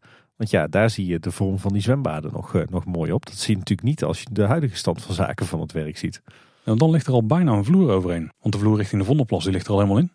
Met een aantal openingen natuurlijk voor liften en uh, trappenhuizen en zo. Ook de vloer van uh, de gaanderij waar we erheen gaan lopen straks. Die, die doorgang onder het hotel door. Die ligt er ook al in. En een groot deel van de voorbereidingen voor de vloer aan de noordkant zijn ook al getroffen. Ja, klopt inderdaad. Ik hoor van veel mensen van wat, wat gaat de bouw van het Grand Hotel ineens traag. Het zou natuurlijk zo kunnen zijn dat ze pas door kunnen op het moment dat bijvoorbeeld de betonvloer van de begane grond dat die voldoende is uitgehard. Er staat vaak 28 dagen voor. Oh, oh 28 dagen? Ja, ja, ja, je kan al wel eerder op zo'n vloer gaan werken, maar hij heeft pas na 28 dagen zijn volledige draagkracht. Oh, dat is lang. Dus dan kan je hem pas flink gaan belasten. Um, dus dat zou zomaar een reden kunnen zijn waarom het nu lijkt alsof er vrij weinig gebeurt op, op de bouw. Maar uh, ja, de afgelopen vier weken is er inderdaad ontzettend veel, uh, veel gebeurd. Ja. Uh, eigenlijk is zo'n beetje de hele kelder nu klaar. Hè? Ja, ja, ze zijn het plafond aan het maken in principe. Ja. Je ziet trouwens wel dat ze bij het zwembad nog wat extra wanden aan het neerzetten zijn in de kelder. Ook een eh, wat mooie togen en zo die we daar in de wanden richting het zwembad bijvoorbeeld. En wat ook eh, wel, eh, wel mooi is om te zien vind ik zelfs dat ze die kuil die er was, die zijn ze voor een groot deel ook aan het weghalen. Want ze zijn alle openingen tegen de kelderwanden gewoon aan het opvullen met zand. Er zit nog wat isolatie tussen en ze hebben het ook dichtgesmeerd met allerlei waterdichte lagen en zo. Dus nu is het daar tot de kelderwand dicht, de grond eromheen. En ook die begane grondvloer is nu dus al bijna af. En dan en dan gaan we eindelijk verticaal, zoals eh, Ralf van Details dan zou zeggen. Dan zijn we dus eh, uit de grond. En als dan straks de eerste wandjes op de begane grond gaan eh, verschijnen, dan denk ik dat we pas echt goed gaan zien hoe enorm groot dit, dit gebouw gaat worden. Daar kijk ik toch wel naar uit, want ik denk dat het allemaal mee gaat vallen. Met hoe lomp het allemaal gaat aanvoelen. Nou, lomp zeker niet. Maar dat is iets wat we gewoon moeten gaan zien in het echt. In verhouding met het Huis van de Vijf Zintuigen bijvoorbeeld. Ja, ik hoop dat we binnenkort ook eh, van dit project nog wat, eh, wat meer tekeningen gaan zien. Van de buitenzijde of misschien zelfs wel van de binnenzijde. Ja. Heel tof. Hey Tim, er is geen nieuwe achtbaan geopend in de Efteling. Maar toch is er een project wat mij dat echte achtbaangevoel geeft. Vertel. Dat is namelijk restaurant Kasba. Wat verschijnt in het Reizenrijk. Want waar we de vorige aflevering nog een beetje zo net naar de top waren geklommen. Van een, nou ja, van, van een airtime heuvel of zo. Een hele hoge denk ik storten we deze week gewoon weer eh, vol een bak de diepte in. Want de hype die ik eh, voelde, die is uh, wel wat afgenomen. Laten we het daarop houden. Leg uit. Ja, ze zijn er flink aan het klussen. Laten we in het algemene stand van zaken trouwens gewoon even nagaan. Want ze zijn dus bezig met die nieuwe ingangspartij aan de voorkant en de zijkant. Dus die, die vierkante blokken die er aankomen te staan. Die zijn op dit moment bekleed met houten planken. Die zijn al afgelakt in een zandkleur. Uh, en wij dachten dat dit soort blokjes gestuukt zouden gaan worden. Ja. Maar dat lijkt dus een hout uitgevoerd te gaan worden. En op dit moment ziet het er toch niet echt uit dat ik denk van... Hmm. Ja, ik snap hier ook niet veel van. Ik dacht echt, dit wordt eens een of andere lichte bouwconstructie die dan nog uh, vrij wordt afgewerkt. Uh, met wat, uh, wat decorbouw zoals we die kennen uit, uit de filmwereld. Maar ja, nee, niets is minder waard. Dit blijven dus houten aanbouwtjes. Ik ben nog even gaan uitzoeken of dit nou een bestaande Arabische bouwstijl is. Hè? Werken met met gelakte houten planken. Maar ik heb er niks van terug kunnen vinden. Ik denk dat het gewoon een hele makkelijke, snelle niet al te dure constructiemethode is. Het komt wel overeen met impressie. Als je daar namelijk op in gaat zoomen op het uh, stukje entree wat je daarvan ziet, dan herken je daar wel de structuur van plank in. Dus ik denk dat dit wel is gewoon hoe het blijft. Misschien dat er nog iets gaan doen met die pilaren die er links en rechts van zitten. Maar ik vermoed dat die ook gewoon afgewerkt gaan worden met hout. Kijk, en een hoop sierlijst in dezelfde kleur, wat in schaduwwerk kan een hoop doen. Het is toch niet helemaal wat ik al van had verwacht. Oh, en, en niet getreurd, ik heb de concept dubbel gecheckt. Maar de zijwanden die lijken wel gewoon gestuukt te gaan worden. Dus daar lijken we wel uh, gewoon uh, echte Eftelingse wandjes te gaan krijgen. Nou, ik ben, uh, ben heel benieuwd dan straks naar het, het eindresultaat. Ik vind het inderdaad best vreemd dat je je ingangspartijen in, in houten planken uitvoert. En dan zeker als je die, juist die Arabische bouwstijl wilt verbeelden. Want die bestaat toch echt meer uit ja, echt stenige gebouwtjes hè? Stenen, leem, een beetje stukwerk. Nou. Ja, inderdaad. En als we dan kijken naar de gevel die richting de Siervijver wijst, en dan met name de eerste verdieping daarvan, die is ook in diezelfde zandkleur gesausd. Dus dat lijkt een beetje de, de zandkleurbasis te worden van het geheel.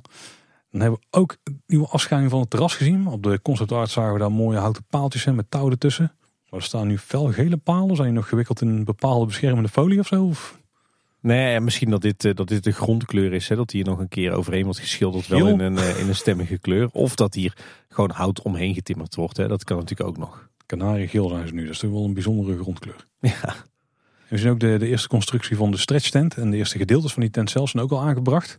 Lijkt best lomp uitgevoerd, maar ik heb er ook alleen nog maar detailfoto's van gezien. Misschien valt dat in het algemeen nog mee.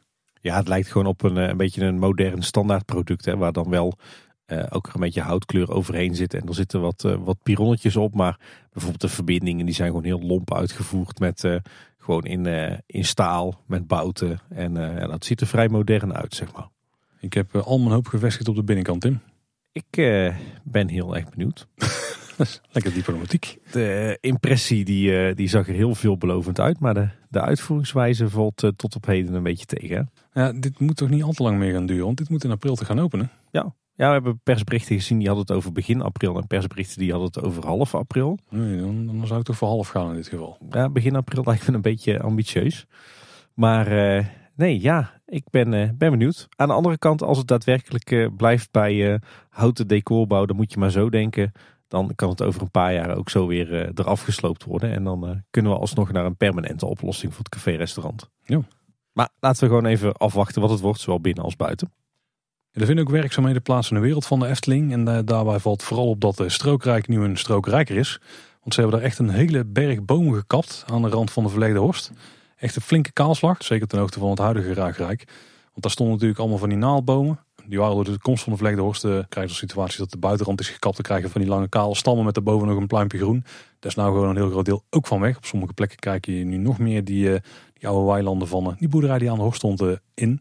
Ja. Maar in ieder geval, dat is echt een flinke strook gesneuveld. Het is niet helemaal duidelijk waarom, want dit was voor een kabeltracé en een sloot. Ja, en een hek. En ik denk ook een grondwal. Dat is een strook van 10 meter breedte. Wel jammer, want je had daar natuurlijk de perfecte afscheiding tussen, tussen het Eftelingpark en de snelweg. Ook was het op sommige plekken maar een heel smal strookje bos. Maar ja, nu heb je dat dus voor de, voor de aanleg van uh, het hekwerk uh, ja, helemaal weggekapt. Dus je hebt geen enkele afscheiding meer tussen die snelweg en het park. Ja, het ziet op dit moment ook niet zo heel chic uit. Als we weer een grond wil krijgen, daar weer een hoop groen op. Wat een beetje die onderkant van die kale stammen dan camoufleert, zeg maar. Hopelijk helpt dat. Maar die grondwal zelf hebben ze niet aangekondigd hè, met uh, die werkzaamheden. Het ging alleen om het hek, de greppel en het kabeltracé. Ja, maar ik vermoed dat op het moment dat ze een greppel gaan graven, dat ze die grond gelijk uh, op een hoop gooien en daar uh, de grondwal van maken. Hoe dan? Wordt het wel een flinke greppel? Niet alleen een slootje? Ja, nou, misschien dat ze nog uh, wat ander zand op een hoop schuiven om een mooie grondwal te maken. Licht zat zand in de Efteling in ieder geval. We weten ook niet hoe hoog dat die precies wordt, hè? Nee, maar ik hoop toch wel hoger dan 30 centimeter of zo. ja. Ja, ik, ik, moet zeggen, ik was verbaasd dat ze dit nu toch gingen doen. Maar jouw uitleg aan het begin van deze aflevering was toch best wel een eye-opener. Ja, nu hebben ze natuurlijk een recordjaar gehad. Nu hebben ze geld als water. Ja, dan kan je maar beter alvast toch die parkgrenzen oprekken. Nou, wat voorbereidende werkzaamheden doen. Ja.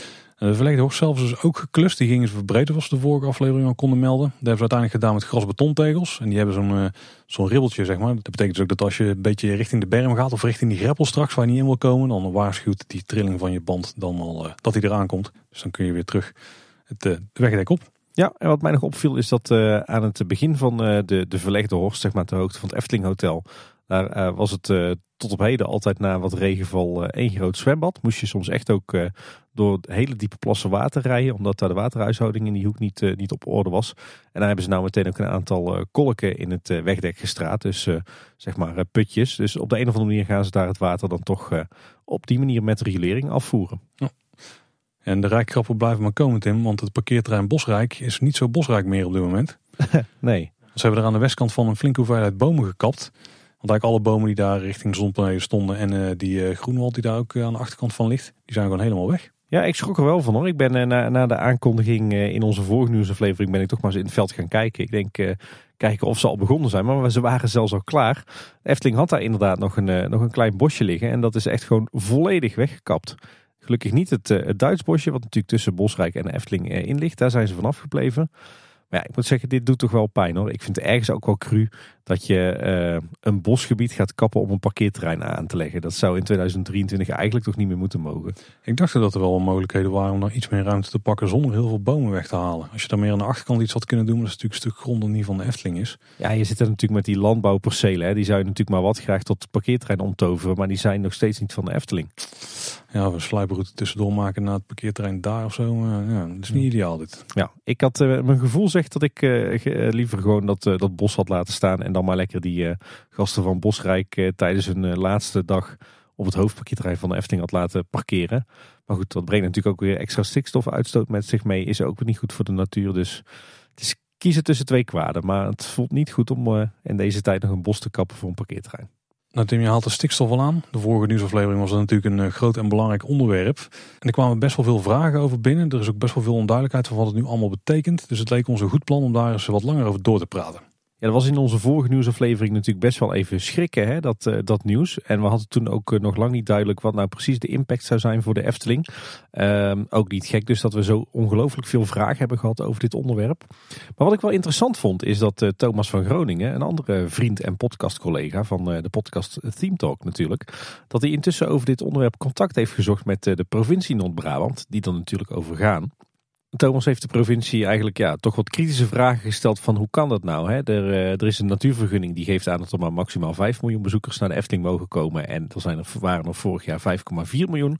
En de provincie heeft eigenlijk uh, nogmaals aan Thomas bevestigd van joh, we hebben uh, mensen die verblijven op verblijfsrecreaties van de Efteling.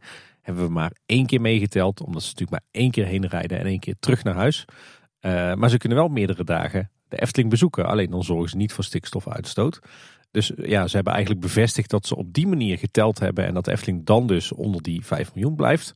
Uh, een conclusie die wij ook al wel hadden getrokken. Is wel even interessant, want dat zou dan een andere telwijze zijn dan in het verleden werd gebruikt. En volgens mij heeft de rechter eerder geconcludeerd dat de provincie niet zomaar de manier van tellen mag aanpassen in een bestaande vergunning.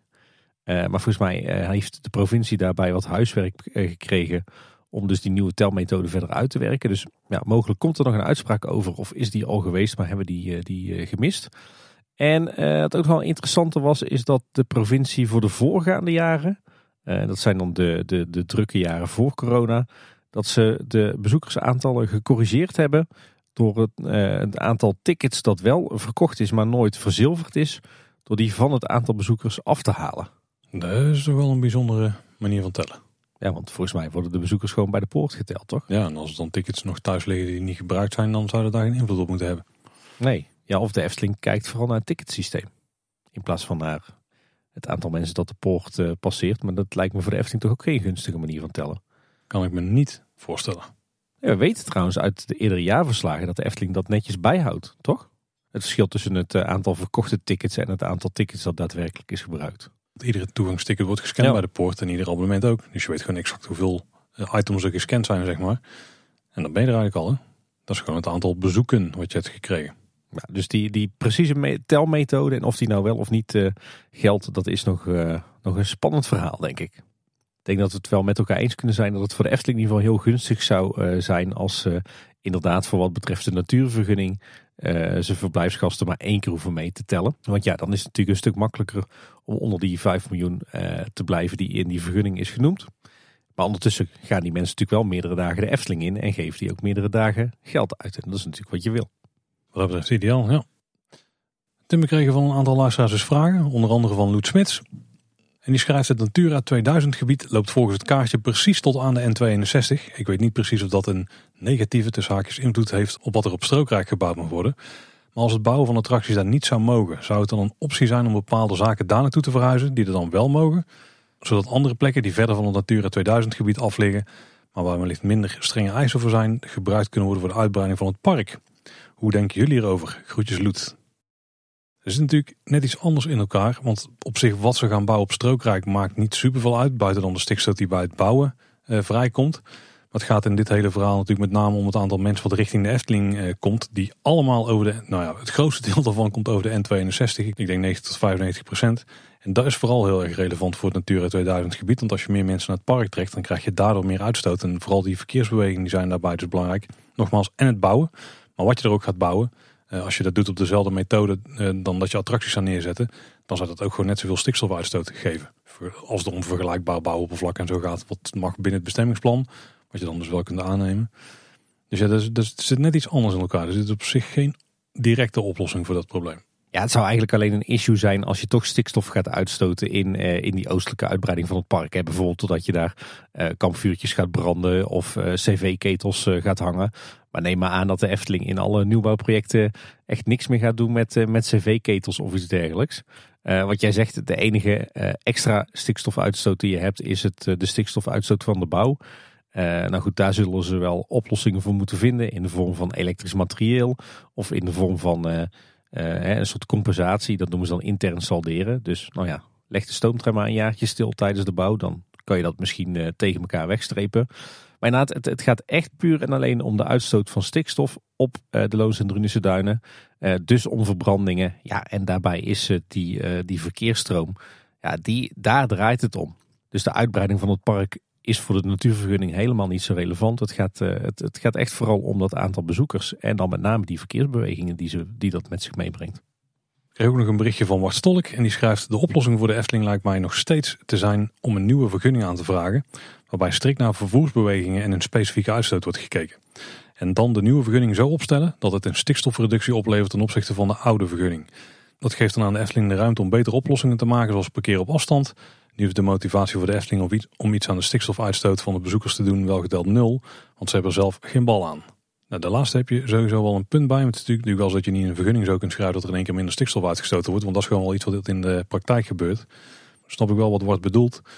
Want het is natuurlijk nu zo dat die vergunning is geschreven naar 5 miljoen bezoeken. Of bezoekers.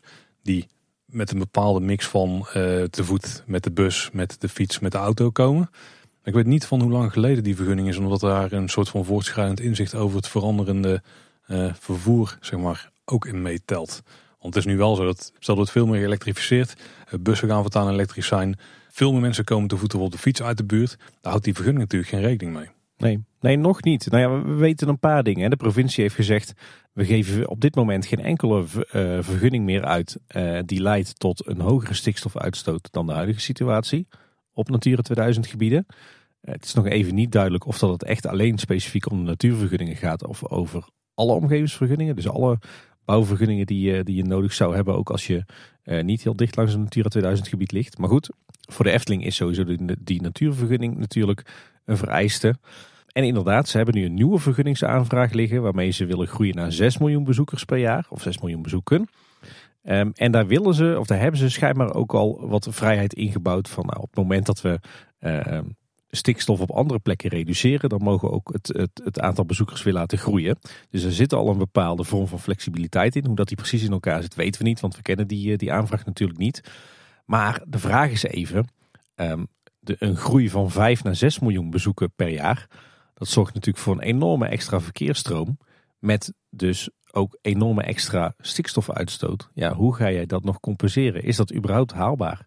Het is een enorme groei van verkeersstromen over een langere periode. Het is niet dat de dag dat die vergunning binnen is, dat ze dan meteen 6 miljoen bezoeken krijgen dat jaar.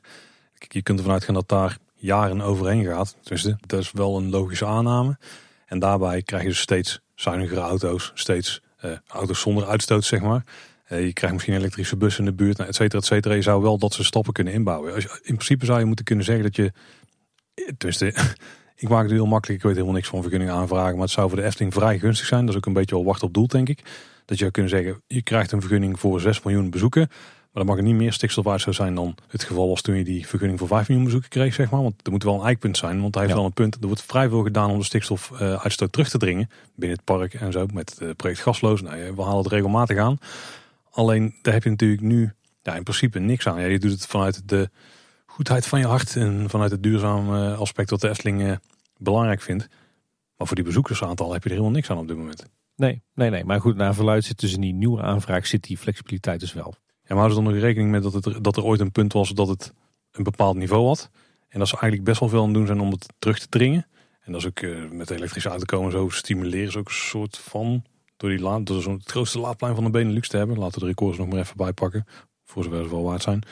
Uh, en fietsplan intern en zo stimuleren. Want het personeel is natuurlijk ook een onderdeel van die verkeersbewegingen.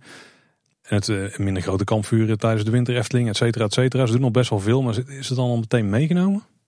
Of was het zeg maar het nulpunt? Of wat was het eikpunt wat ze nemen? Ja, daar is ook nog steeds heel veel onduidelijkheid over. Kijk, je, je kan niet nu zeggen we kijken naar de situatie van 20 jaar geleden.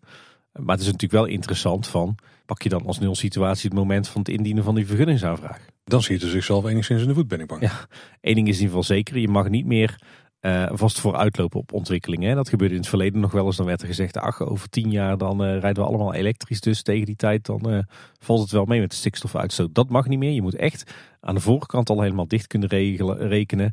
Dat je alle extra stikstofuitstoot door jouw ontwikkeling compenseert um, binnen jouw bedrijf, binnen jouw locatie. Dus je moet dat echt aan de voorkant goed dichtgerekend hebben. Toe. En dan is de vraag, ja, kun je die 1 miljoen extra autobewegingen. Nou ja, het zijn er geen 1 miljoen, maar in ieder geval die, al die extra autobewegingen die voortkomen uit die 1 miljoen extra bezoekers, kun je die compenseren? Of, of is die impact daarvan gewoon te groot? Ik kan het antwoord jou niet geven, Tim. Maar ik denk wel dat er heel veel mogelijkheden zijn om het, uh, om stikstofuitstoot niet toe te laten nemen. Dus als in stel over 10 jaar heeft de Efteling 6 miljoen bezoeken. Ik denk dat het dan best wel realistisch is om te stellen dat de stikstofuitstoot niet per se op hoeft te lopen. Als je bouwprojecten in ieder geval enigszins, ik weet niet of de term is, stikstofuitstoot neutraal zou kunnen voeren. Nou ja, dat is een mooie. Die heb ik nog niet eerder gehoord, maar die klopt wel. En zoals aan de volgende vraag gaan. Die is van eh, Tony Puik en die schrijft in het bestemmingsplan traject heeft de Efteling al een aantal maatregelen genomen of in gang gezet om op stikstofgebied ruimte te creëren voor extra bezoekers. Onder andere de gronden niet meer verpachten en het project gasloos met de warmte-koudopslag, de frituurpannen op elektra, et cetera. In hoeverre zouden deze maatregelen niet al tellen voor de nieuwe milieuvergunning? Dat is een beetje wat we net over hadden. En heeft de Efteling en of de stichting niet nog meer gronden in bezit waar ze eventueel verpachting van kunnen stoppen? Nou, dat laatste uh, in ieder geval niet. Uh, ze hebben op het moment dat ze bezig waren met het, het rondrekenen van het bestemmingsplan, waarbij ook is gekeken naar, eh, naar stikstof, hebben ze eigenlijk er al voor gekozen om per direct het, het gebruik van alle landbouwgronden binnen de wereld van de Efteling te stoppen. En dus al die, die weilanden en, en akkers van de stichting die verpacht waren aan boeren, dat, dat werd per direct stopgezet. Dus ja, dat hebben ze eigenlijk allemaal al weggegeven. Uh, ja, ook hier is weer de vraag, wat neem je als, uh, als nulsituatie? Hè? Maar dan hebben we het echt al over een flink aantal jaar geleden. En ik denk eerlijk gezegd niet, niet dat je daar nu nog mee wegkomt. Door te zeggen van ja, kijk eens wat we de afgelopen tien jaar allemaal al gedaan hebben. Maar goed, reken, reken er maar op dat er heel wat gespecialiseerde bureaus met dit soort materie bezig zijn op dit moment. en die hebben daar toch net een beetje meer verstand van dan wij. En dan nog een uitgebreid bericht wat we kregen van, mogen we zeggen, onze eigen Roel van Tilburg. Zeker. Die schrijft, hey Paul en Tim, hoewel ik er niet aan wil denken, hoe zien jullie de Efteling handelen in een scenario van een opgelegd kan niet, mag niet. Dus met een stop op vergunningen en een stop op verdere groei van bezoekersaantallen. Want in theorie kun je dan het huidige park wel gaan verfraaien of gaan inbreiden, maar ook dat levert extra bezoekers op. Wordt de Efteling dan vooral voor verblijfsgasten? En wat denken jullie? De uitslag van de provinciale statenverkiezingen brengt er juist meer of juist minder mogelijkheden voor de Efteling? Ik hoop dat er een weg wordt gevonden waarbij we en van een florerende natuur en van een florerende Efteling kunnen genieten. Dat schrijft hij mooi. Ben benieuwd naar jullie gedachten hierover. Ciao Roel. En eigenlijk kregen we het eerste deel van eh, de vraag van Roel eh, ook van Joost Bloks. Die schreef namelijk wat kan het park doen als het bestemmingsplan inderdaad niet kan worden uitgevoerd. Dan ontkomt men op termijn haast niet aan een Fantasieland scenario waar oude favorieten moeten wijken voor nieuwe attracties. Ik moet zeggen, die oude favorieten in Fantasieland zijn ook wel echt goud. Ja, zeker. Wie, wie mist de Silvermine niet, hè? Of de Hollywood Tour. Ja, goh. Ja, ik, denk dat het goed is om even twee dingen te scheiden. Want uh, dat is wel relevant. Uh, aan de ene kant heb je natuurlijk de uitbreidingsmogelijkheden van de Efteling. Hè, dus het, eh, het uitbreiden van het park naar de oostzijde, strookrijk bouwen. En aan de andere kant heb je het toegestane aantal bezoekers. Want in principe, zolang de Efteling uh, niet te veel stikstof uitstoot bij het, het, bouwen van strookrijk of bij het bouwen van nieuwe attracties, ongeacht waar dat ze dat doen, kan dat gewoon. Hè? Ja, je moet die extra stikstofuitstoot tijdens de bouw, die moet je compenseren of zo laag mogelijk houden. Uh, maar verder staat de Efteling niks in de weg om het park uit te breiden of om die attracties te bouwen. Dus dat kan gewoon. Het enige wat ze zichzelf dan moeten afvragen is, is het de moeite om zo'n investering te doen als we eigenlijk niet veel meer mensen kunnen binnenkrijgen? Ja, gaan ze dan dus, nou dat zijn scenario's die we nu even kunnen bespreken. Ja. Of zijn er andere routes waardoor die investeringen doen wel de moeite zijn? Ja, nou, want dat is dus inderdaad de andere kant van de medaille. Maar goed, als je nu kijkt naar uh, het recente besluit van de provincie om te zeggen wij verlenen geen enkele uh, vergunning meer die leidt tot, tot meer stikstofuitstoot. Ja, dan kan je erop rekenen dat, uh, dat ze voorlopig waarschijnlijk bij de Efteling geen vergunning krijgen om door te groeien naar 6 miljoen bezoekers. Dus ja, dat betekent inderdaad dat je aan de ene kant wel het park kan uitbreiden en nieuwe attracties kan bouwen. Maar dat je gewoon echt niet meer dan die 5 miljoen bezoekers mag ontvangen in je park. Hopelijk dan nog met een, eh, een gunstige telmethode. En ja, dan is inderdaad de vraag, hoeveel moet je dan nog, uh, nog investeren? Kijk, dan zou ik sowieso niet snel uh, een grote second gate bouwen. Een extra pretpark erbij, laten we dat dan maar niet doen. Maar ja, je, je zult natuurlijk wel moeten blijven investeren. Want je wil natuurlijk ieder jaar zo dicht mogelijk tegen die 5 miljoen bezoekers aanschurken.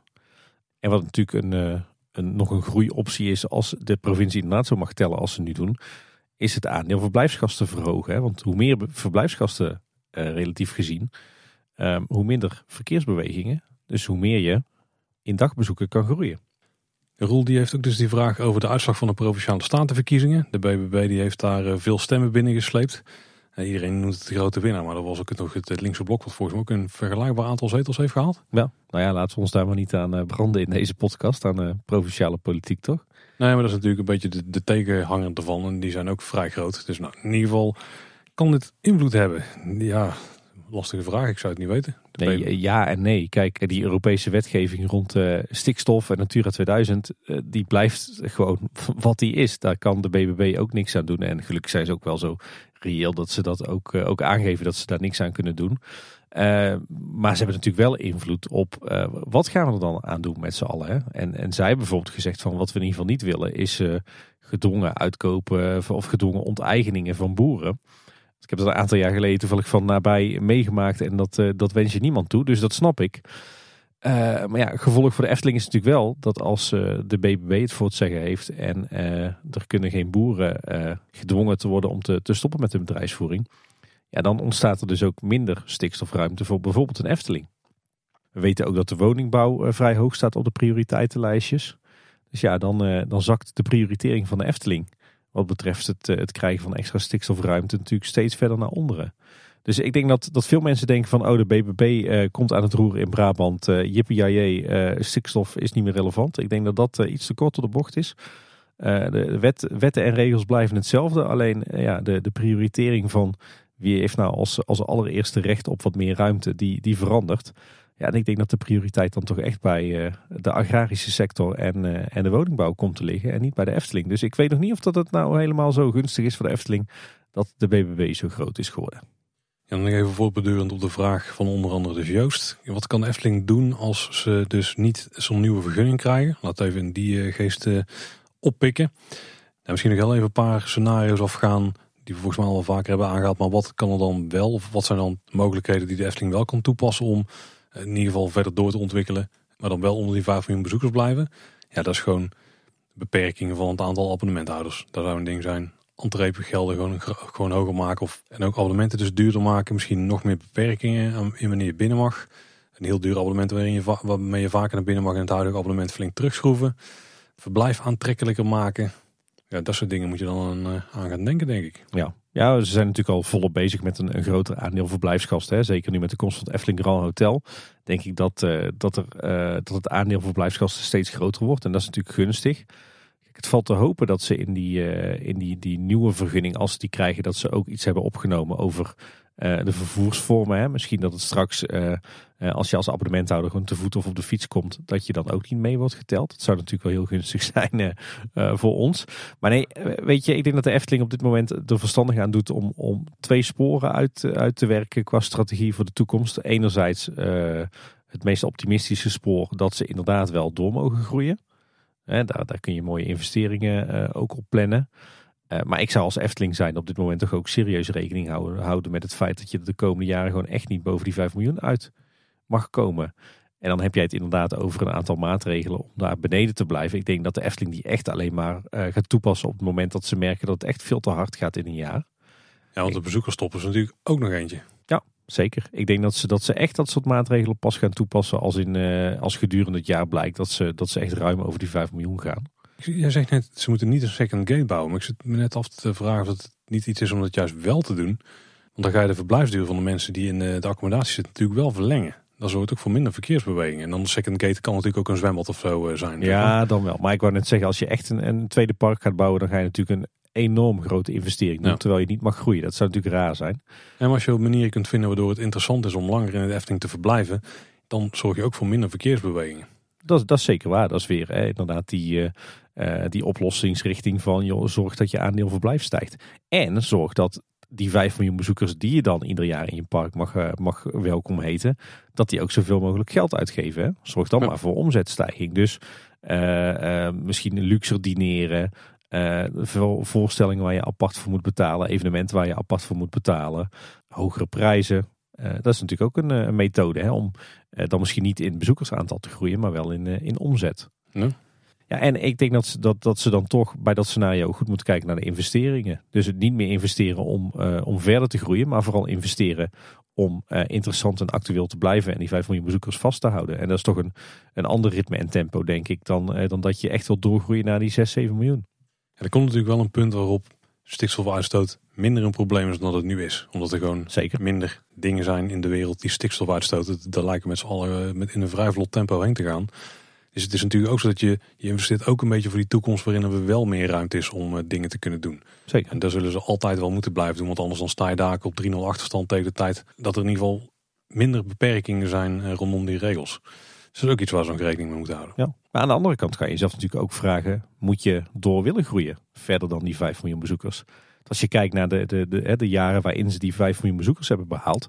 Bijvoorbeeld het afgelopen jaar. Het park was altijd, uh, altijd druk. Het liep als een trein. Het was een recordjaar. Ze hebben een recordomzet gedraaid. Het is toch eigenlijk prima zo? Ja, kijk, de theorie is natuurlijk, als we meer attracties hebben, hebben we meer capaciteit, hebben we ook meer pleinen, meer paden en zo. Straks met de, uitbreiding richting het oosten en uiteindelijk ook richting het westen.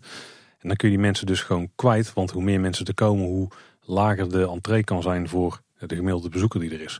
Dat is natuurlijk die, die filosofie van Efteling is voor iedereen die er nog steeds heerst.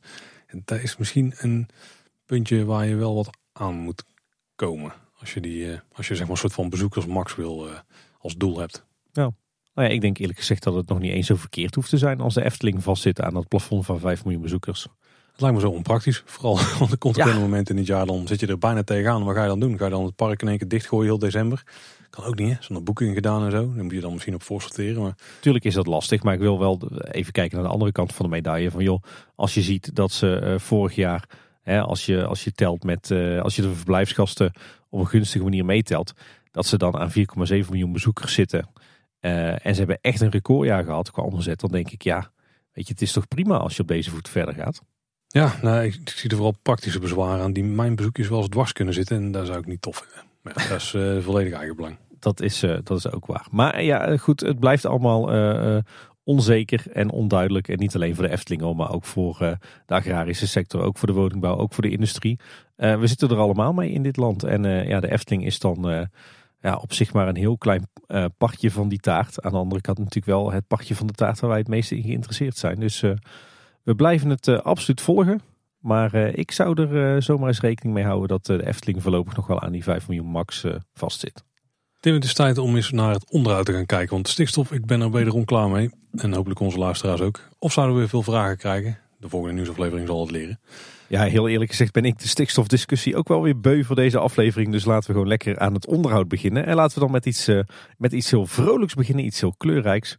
Want de afgelopen twee weken is overal in het park weer het voorjaarsgoed aangeplant. Dus alle borders en, uh, en plantenbakken die liggen er weer uh, prachtig strak bij in het park. En de zon is ook opgekomen vanochtend hè? Zeker, maar voor jou Paul is er misschien nog wel veel positiever nieuws. Absoluut. Want er wordt groot onderhoud uitgevoerd, Tim, aan verschillende bestaande toiletgroepen in het park. Ja, wie had dat gedacht? volledige toiletinterieur uitgetrokken. En uh, daar wordt uh, van alles nieuws aangeklust. Al hebben we er nog niet superveel van gezien. Misschien nog wel het meeste bij Fata Morgana. Want dat is een van de groepen die wordt aangepakt. Maar ook Favela en zelfs het Gemak, de Classic, die wordt ook aangepakt. Misschien dat er zelfs een kleine boodschap er nog aan moet gaan geloven in de toekomst. Ben benieuwd. Nou, voor, vooralsnog hebben we vooral sloopwerkzaamheden gezien. Er stonden gewoon containers buiten waar al het sanitair ingekieperd was. Dus echt alles lijkt vervangen te gaan worden. In het toilet van Fata Morgana daar zien we al wat nieuwe thematische wandbekleding uh, verschijnen. Dat is niet uh, getegeld of zo, dat is plaatmateriaal met een soort printfolie. Dat is natuurlijk super makkelijk om schoon te houden, maar wat we ervan zien op de foto's ziet het er wel heel netjes uit. Ja, mooi in thema hè? Ja, en ook worden er uh, epoxy vloeren aangebracht. Ook met verschillende vlakken, met verschillende kleuren. ook makkelijk schoon te maken natuurlijk. Bij het gemak hebben we wel wat van nieuwe hangtoiletten gezien. En het was dus vreemd dat ze, uh, nu ze hiermee bezig zijn, bijvoorbeeld die toiletten hebben opgeruimd die naast Max en stonden. Want op een hoop plekken moeten de bezoekers natuurlijk nu uitwijken naar andere mogelijkheden. Die zijn er niet zo heel veel op dit moment. Maar gelukkig hebben ze bij het Fata Morgana evenementencomplex de toiletten geopend. Dus daar kun je dan nu op dit moment naar het toilet. Bij het gemak is er geen alternatief. Ja, dat betekent dat bijna iedereen naar de Witte Paard gaat. Maar dat is sowieso al een enorm krap toilet. Ik hoop dat ze daar ook nog iets aan gaan doen. Was dan een betere plek om heen te gaan? Ja, voor ons was afgelopen weekend uh, de toiletgroep uh, in het Carouselpaleis. Ah, ja, dat is wel een goede plek. Het, uh, bij Diorama. Dat was een, was een beter alternatief. Daar was het qua wachttijd prima te doen. In tegenstelling tot, tot het Witte Paard. Hey, maar dit is wel echt fantastisch nieuws, hè, Paul. Dat eindelijk al die ontzettend gedateerde, vaak toch stiekem wel vieze toiletgroepen eindelijk worden aangepakt hè, na al die jaren. Ja, eentje die hadden ze iets grondiger aangepakt al. Dat waren de toiletten bij het Spookslot. Ja. Maar ik, ik vind het vooral bijzonder, maar dat is misschien een volledig uh, preken voor eigen parochie, dat hier geen nieuwsitem of zo aan is gewijd. Dit was toch ook een perfect blogbericht geweest, zou het nog komen? Misschien komt het nog, hè? want er worden nu natuurlijk drie toiletgroepen aangepakt. Maar er zijn natuurlijk nog heel wat andere toiletgroepen in het park die ook wel een opknapbeurtje verdienen. Ja, dit waren wel, nou, oké, de toiletten van het Witte Paard zijn misschien wel net zo erg, misschien nog erger. Maar hiermee zijn wel de grootste pijnpunten aangepakt. Ja, bij Panorama, maar u weet wat daarmee is gebeurd. Ja, ik ben trouwens wel benieuwd. We hebben eh, Koen Bertens, wie kent hem nog, de, de oude directeur park, natuurlijk een aantal keer gehoord over een toilettenplan, wat er zou zijn. Uh, nooit echt de vinger op de zere plek kunnen leggen wat dat nou precies zou inhouden. Maar zou er dan nu eindelijk uh, werk gemaakt worden van dit, uh, dit toilettenplan? Door dus alle bestaande toiletgroepen aan te pakken. Ik ben hier uh, lichtelijk hyped over. Het zal niemand verbazen. Dus ik ben heel benieuwd wat hier daar het resultaat van zijn. Het zou zomaar kunnen.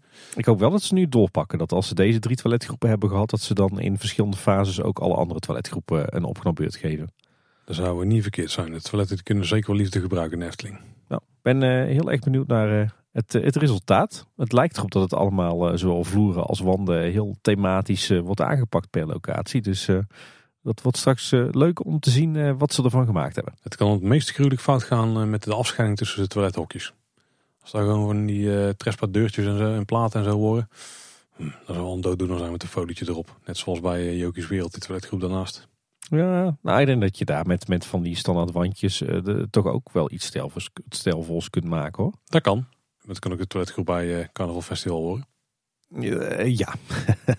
we hebben goede hoop, we hebben goede hoop. Heel, heel toepasselijk, Paul. Weet je, weet je wat me trouwens van de week opviel? Uh, als ze dan, nu ze toch overal onderhoud aan het uitvoeren zijn, zijn ze volgens mij één klein detail vergeten.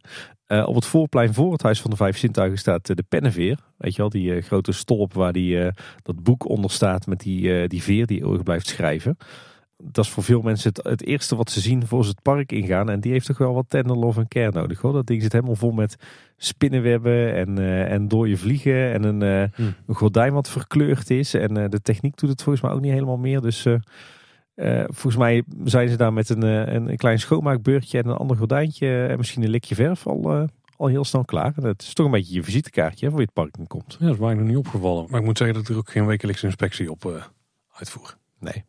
Hey, laten we lekker het park ingaan. Dan beginnen we in het uh, Fantasierijk. En daar krijgt uh, Polles Keuken, het uh, pannenkoekenrestaurant natuurlijk, krijgt grote onderhoud. En dat pakken ze ook heel serieus aan. Wat is allemaal gebeurd? aan de buitenkant hebben ze al het loszittende stukwerk met grof geweld verwijderd. Een aantal plekken waar het stukwerk in het verleden scheurde, daar hebben ze nou ook hele strakke voegen gemaakt. Dilatatievoegen noemen ze dat. Dan krijgt zeg maar de, hebben de, de wanden een beetje ruimte om uit te zetten en weer te krimpen zonder dat het aan alle kanten gaat losscheuren. en op al die plekken hebben ze inmiddels ook nieuw net stukwerk aangebracht. Alle andere scheurtjes in de wanden hebben ze mooi dichtgesmeerd. En alle gevels zijn zo'n beetje overgesausd op dit moment. klein detail, aan de zijkant bij de toiletgroep had je zo'n prachtige muurschildering. Weet je wel, met, mm met toiletten in thematisch uh, lettertype, maar ook op de achtergrond het silhouet van uh, het oude showgebouw. Of eigenlijk het, het showgebouw dat Harthof zou gaan zijn. Hè? Ja. De, de voorloper van Symbolica. Mm -hmm. uh, een heel tof detail, een hele mooie knip ook naar de geschiedenis. Maar daar hebben ze nu overheen gesausd. Dus de vraag is even, komt dat terug of niet? Oeh, als er een nieuwe schildering komt, dan zal het dus een Symbolica silhouet mogelijk gaan worden. Ja, dat is dus de vraag. Ik vond dit wel een hele mooie Easter egg, speciaal voor de, voor de kenners. Ja, het was wel een prongelijke easter egg. Want hij was wel echt geschilderd met het idee dat het ooit zou gaan verschijnen ja. natuurlijk. Ja, maar ja, toch denk ik dan, dat is toch een mooi, uh, mooi element als dat weer uh, op exact dezelfde manier wordt teruggebracht, toch? Die kans acht ik toch klein. Mooi, uh, mooi stukje geschiedschrijving. Maar goed, er gebeurt meer. Ook de schoorsteen van Polleskeuken, die er heel slecht uitzag, die is helemaal kaal gebikt. Dus die zal ook een nieuwe laag stukwerk krijgen. En verder zijn ze druk bezig. Alles krijgt een, een likje verf, ook alle kozijntjes. De stapel pannenkoeken die voor de deur stond, die is op dit moment weg voor onderhoud. Die zal ook wel een likje verf krijgen. En ook binnen wordt er hard gewerkt. Eén klein, één klein pijnlijk puntje, iets wat we wel op meer plekken in het park zien gebeuren trouwens, is dat het erop lijkt dat een van de wonderwachters aan de Padoespromenade is gesneuveld door al het bouwverkeer. Maar verder zijn ze hier ontzettend goed bezig. Ja, en dan een paar grote nieuwtjes in Anderrijk, Tim. Want in Fabula, daar hebben we natuurlijk in de, in de film het effect met de boom die naar beneden zou moeten komen. Die al, nou ja, in ieder geval heel lang niet werkt. Volgens mij hebben we het nog zien werken toen Fabula opende. Ja, net, alleen weken, begin. Denk ik. Dus dan hebben we het echt eh, over de eerste maanden van 2020. Dat is inmiddels drie jaar geleden. Hè? En toen heeft hij het eigenlijk gewoon niet meer gedaan. Maar ik zat warempel in de show en in één keer kwam hij weer naar beneden. Dat moet schrikken zijn geweest. Dat was, nou ik had het volgens mij al op filmvisie langskomen. Ik wou het met eigen ogen zien. En een dag later was hij weer en hij werkt gewoon weer. En hij lijkt tot nu toe ook nog steeds te werken. Hopelijk blijft hij het nu lang volhouden. Maar eentje in bijna dezelfde categorie. De kantelkamer in Fata Morgana, ook in Anderrijk. Die kantelt ook gewoon weer. Jeetje. Ja, het was een mooie dag. Ik denk, nou, ik ga dan nog een ritje doen in Fata Morgana. Misschien wiegt ook wel uh, de gin weer met de, de pilaren die daar staan. Maar daar viel tegen. nou, wel heel tof dat twee zulke enorm langdurige defecten nu gemaakt zijn natuurlijk. Ja, zeker. Het is goed dat die aandacht daar ook nog steeds voor is, hè? Ja, hey, er eh, speelt ook een uh, mooi onderhoudsprojectje rond uh, de Oase, het horecapunt uh, aan het Vatamorgana-plein. Um, het terras wat helemaal opnieuw is getegeld met thematische bestrating is inmiddels klaar. Maar nu staat het gebouw zelf in de stijgers voor schilderwerk. En, en naar verluid worden ook alle apparatuur in het horecapunt vernoemd. Heeft misschien wel te maken met het project gasloos. Hè? Want dat betekent dat ze, dat ze alles elektrisch moeten gaan bakken daar. En de werkzaamheden die zouden nog voortduren tot 26 maart. Dus dat betekent op het moment dat je deze aflevering luistert, dan, dan zijn ze daar klaar. Verder wordt er in zo'n beetje heel Anderrijk hier en daar wat gegraven. met name rond die, die bronnen voor de nieuwe warmte-koude opslaginstallatie voor het project Gasloos. En het lijkt erop dat ze, dat ze nieuwe leidingen zijn uh, aan het aanleggen tussen die bronnen en de verschillende attracties en, uh, en horecapunten. Dus ze zijn eigenlijk het, uh, het, het warmtenet aan het aanleggen. Hè? Wat natuurlijk heel duurzaam is, want dan kunnen ze alle cv-ketels uit de attracties en, en restaurants halen. En daar waar het, het wegdek dan toch open ligt, zie je dat ze hier en daar ook wat, wat nieuwe riolering aanleggen of wat kabeltjes erbij stoppen. Dus dat combineren ze slim. En dan bij de Piranha is de afgelopen winter natuurlijk ook weer, uh, weer hard gewerkt. Inmiddels is die attractie open. Maar we hebben nu ook gezien dat uh, ook aan de voorzijde van het gebouw. Uh, daar heb je aan je linkerhand zo'n zo'n hellingbaan die je op kan lopen. En dan kan je het rondje over het gebouw naar de achterkant maken. Um, die werd nogal eens afgesloten als, er, uh, als die route niet toegankelijk was met een dranghek. En ook daar hebben ze nou een net vast houten poortje gemaakt wat ze naar behoefte kunnen sluiten. En ook mooi aan de achterzijde van, uh, van de Piranha, aan de Kaupervijver, daar hebben ze flink wat nieuwe bomen geplant. En tot slot, uh, Max en Moritz, die zouden een onderhoudsbeurt krijgen van uh, nou, toch een behoorlijk lange tijd, twee, drie weken geloof ik. Die onderhoudsperiode die is ingekort tot slechts vijf dagen. Dus waarschijnlijk kost die aanpassing aan, aan de baan die Max nog moest doen minder tijd. En dan naar het Ruigrijk. Bij de Vliegende Hollander zou het wel eens kunnen zijn dat die inmiddels al open is. Niet op de dag van opname, maar we hoorden wat geruchten dat die voor 1 april, wat de beoogde openingsdatum was, al open zou gaan. Wat in ieder geval eh, opvalt dat de buitenmeandering vernieuwd is. Er waren natuurlijk altijd van die uh, losse paaltjes met touw ertussen. Maar het lijkt nu een, ja, eigenlijk de standaard Eftelingse wachtrijtjes te zijn. Van staal met zo'n bolletje erop, zwart gekoot in dit geval. Die ook gewoon vaststaan. En dan lijkt het ook wat groter te zijn geworden. Dus met iets meer wachtcapaciteit. Ja, en het viel ons natuurlijk al op dat er een eh, enorm lange testperiode was na uh, het grote onderhoud bij de Vliegende Hollander, voordat ze hem weer in gebruik uh, mochten nemen. Toevallig zat ik afgelopen weekend een tijdje op het terras van de Kombuis. En zat ik eens te kijken naar, naar de tests bij de Vliegende Hollander. En ik vroeg me toen af, hebben ze misschien niet deze winter ook de besturing van de, de attractie helemaal vernieuwd? Want ik zag wat afstanden tussen boten die ik nog nooit eerder gezien had. En dat kan volgens mij alleen maar op het moment dat je met een andere besturing werkt het zou zomaar kunnen, want ze hebben natuurlijk die hele lange testperiode. En die zouden het wel verklaren, want dan zullen er misschien uh, vanwege de keuring lange draaiuren gemaakt moeten worden voordat er uh, passagiers mee mogen. En ik denk dat er ook al heel lang de wens is geweest bij de Vliegende Hollander om iets aan het besturingssysteem te doen. Want dat is volgens mij vaak de bron van uh, storingen, met name sensoren en zo.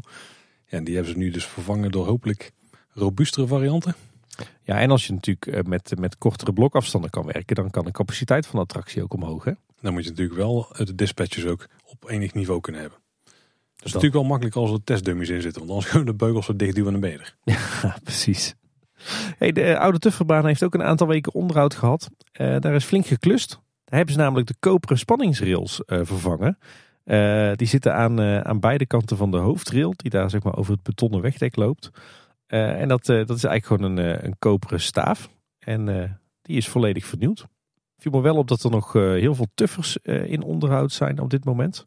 En eh, er reden er ook een aantal in de baan die niet zo hard konden als de rest. Dus dat, dat hield de boel lekker op. Maar volgens mij zijn ze ook, ook bezig met een, een proefje met de stroomafnemers die zeg maar onder de tuffers hangen. Want die zagen er nieuw uit. En op een aantal zaten er ook stickertjes met volgens mij iets van, van proefmodelletje dit of dat. Dus uh, ik denk dat met name de stroomvoorziening van de baan dat dat uh, nog een issue is waar ze bij de Efteling aan, aan het uh, werken zijn. En verder viel op dat ze ook het attractiebord hebben vervangen of voorzien van een nieuwe sticker. want in tegenstelling tot de eerdere versie staat hier echt maar minimaal informatie op. Namelijk alleen het nummer dat de attractie heeft op de plattegrond. En wat pictogrammetjes, maar dus geen tekst meer die uitlegt wat voor attractie dat het nou is. We hebben wel meer attracties recent gezien hè? Verder viel nog op dat uh, bij het uh, kinderspoor, de traptreintje, staat daar een, uh, een nieuwe afscheiding is gemaakt langs het water. van wilgetakken gemaakt, heel mooi speels ingevlochten, dus dat ziet er prachtig uit. Past daar natuurlijk ook mooi bij dat oud-Hollandse thema. Ik denk om te voorkomen dat er kinderen die gebruik maken van de attractie in de siervijver lopen. Hm. En twee puntjes in Reisrijk. De beplanting aan de achterkant van Symbolica bij de waterval en de oever bij Gondoletta, dus bij de Stenen Brug, die zijn vernieuwd. Wederom trouwens. Ja, dat hoekje bij die stenen brug, dat eh, wordt volgens mij ieder jaar volledig opnieuw eh, aangeplant. Het lijkt wel of daar niks wil groeien. Dat is het experimentenhoekje. En bij Jokies Wereld zien we dat de panelen op het dak van eh, de winkel weer worden teruggeplaatst. Die zijn echt eh, mooi opgeknapt, staan goed in de verf. Ik ben benieuwd wat daar aan bewegingen allemaal in terugkomt, want dat kunnen we niet echt goed inschatten nu. Het ziet er in ieder geval allemaal netjes uit. Dan moeten we naar het Marenrijk, Tim, want het is natuurlijk Droomvlucht uit groot onderuit gekomen. De vorige aflevering uitgebreid besproken, maar er is ons meer opgevallen en er zijn ook wat meer dingen gemeld door luisteraars. Misschien eerst nog een paar uh, lichtdetails even aanwijzen, want de bollen in de entreepartij en de meandering die dus uh, boven je hangen, die uh, wiegen op sommige punten, die zijn inmiddels ook LED. En de kaarslamp in tunnel 1 die werkt nu weer, Tim. Ook een LED. Ja, dat klopt inderdaad. En wat ook opviel, en we hadden het er al eerder over dat met het nieuwe lichtplan dat er heel wat zaken mooier zijn uitgelicht. Uh, dat geldt ook uh, voor uh, het punt waar je Kastelenrijk binnenkomt. daar heb je zo'n ja, een soort van kasteelmuur met een aantal vaandels eraan. Dat was altijd zo'n donker hoekje. Maar dat is nu ook heel vrij uitgelicht. Dus als je dan wat verder in de scène bent met je gondel, dan, dan valt dat prachtige stuk decor ook wat beter op. Ja, wat mij opviel Tim, volgens mij ook een van de kritiek die ik heb gehad op Droomvlucht, is dat je uh, Titania hebt. Je komt in het wonderwoud zo uh, omhoog uit die, uh, dat hoopje wat daar ligt, die rots aan de, de voorkant in de, in de scène. Ja. En dan kon je vroeger altijd gewoon recht, ja eigenlijk een beetje backstage kijken. Dan zag je het kippengaas bijna zitten, weet je wel, wat, waar die rots van is opgetrokken. Maar dat hebben ze nu netjes afgewerkt. Er zit echt een enorme bak groen aan de binnenkant. En zij beweegt daar precies zo tussendoor. En daardoor ja, kijk je eigenlijk niet meer in de constructie. Dat is een mooie kwalitatieve verbetering daar. Zeker. Hey, wat, wat luisteraars van ons nog opviel is dat uh, zowel in Wonderwoud als in Elfentuin dat uh, op een aantal plekken de wand achter de voertuigen is aangepast. Dat was rotswerk, maar dat is weggehaald en in plaats daarvan uh, zien we dan nu wandschilderingen. Dus ik denk dat dan op de een of andere manier er te weinig ruimte tussen het voertuig en de wand was of zo. Misschien voor ontruimingen of zo. Is me nog niet opgevallen, ja. Nee. Ik dacht dat daar juist wat rotswerk was teruggekeerd waar die elfhandjes eerst zaten, zeg maar. Maar dat is dat een stuk daarvoor nog, waar je meteen bij binnenkomt. Oké. Okay. En wat mij nog opviel is uh, hoe het lichtplan nu werkt in het Sompelwoud. Want daar had je natuurlijk voorheen al een beetje dat het licht subtiel veranderde tussen wat koeler en wat warmer licht. Nou, dat effect is er nu nog steeds, dus iets meer uitgesproken. Maar ze hebben dat eigenlijk best wel cool gedaan. Want um, wat, wat daar dus gebeurt is dat het licht verandert een beetje mee in de beweging van de voertuigen. Volgens mij iets sneller dan dat de voertuigen draaien. Maar ook daar uh, heb je zeg maar, die plas in het midden liggen. En heb je daar al die uh, boomwortels omheen, zeg maar, die er omheen liggen. En eigenlijk moet je zien als een soort klok. Want de kleurverloop daar draait eigenlijk om de vijver heen. Dus het is bijvoorbeeld helemaal blauw. En dan begint er één punt wat dan wat meer uh, die warme lichtkleur krijgt. Laat het rood zijn. En dan komt er eigenlijk een rode gloed die zo om heel die wortelrand heen trekt. Tot het aan de andere kant is. En dan is alles inmiddels in die, staat het in die gloed. Best wel cool. En ook dus in de richting van de voertuigen die draaien. Heel gaaf hoeveel beweging er eigenlijk uh, in het licht zit hè, nu. Ja, ja, dat valt het meest op natuurlijk bij Kastelenrijk. Want dan zie je echt gewoon de achterwand bijna geschilderd worden in een andere kleur. Ja. Dat is best vet. Ja. Zegt dat wel, ja. Ja, en iets wat, uh, wat me nu ook nog opviel en wat volgens mij ook een forse investering is geweest, is dat volgens mij ook alle, alle speakers, hè, alle geluidsboxen in de attractie zijn vervangen. Want je hoort de muziek overal weer een stuk uh, helderder. Misschien ook wel iets te maken met die uh, remaster die René Merkelbach heeft gedaan op de muziek. Ik moet zeggen, ik ben de afgelopen dagen met, uh, met uh, veel plezier weer een aantal keer in Droomvlucht geweest. Echt van genoten. En ik zei al eerder, Droomvlucht heeft wat mij betreft echt een, een tweede leven gekregen. En uh, kan er echt weer een aantal decennia tegenaan. En ik moet zeggen, ik denk zelfs dat na deze grote onderhoudsbeurt... dat Droomvlucht bij mij nu weer op de tweede plek staat van de favoriete dark rides. Na Fata Morgana natuurlijk, maar ja, voorheen kwam na Fata Morgana Symbolica bij mij. Maar Droomvlucht is na deze opknapbeurt zo opgeknapt dat, uh, dat hij weer een plekje omhoog gaat op de ranglijst. Oeh, ik weet niet eens hoe mijn ranglijst in elkaar steekt, Tim. Dus ik, uh, die, die verandert per dag. Ja, dan uh, zagen we op de onderhoudskalender ineens het poffertje verschijnen. Die blijkt dicht te zijn van 17 april tot en met 4 juni. Toch een tweetal maanden ruim. En het gerucht gaat dat de volledige poffertjeskraam zou worden gesloopt en vervangen zou worden door nieuwbouw. Ik ben heel erg benieuwd uh, of dat daadwerkelijk gaat gebeuren of dat het toch meer een onderhoudsklus is. Uh, ik durf op basis van uh, een aantal onderhoudsprojecten van de afgelopen maanden inmiddels wel te zeggen dat ik er alle vertrouwen in heb dat de Efteling ook bij vervangende nieuwbouw weer een, een hele mooie nostalgische poffertjeskraam neerzet. Maar zouden ze het kunnen redden, vervangende nieuwbouw in een week of zes?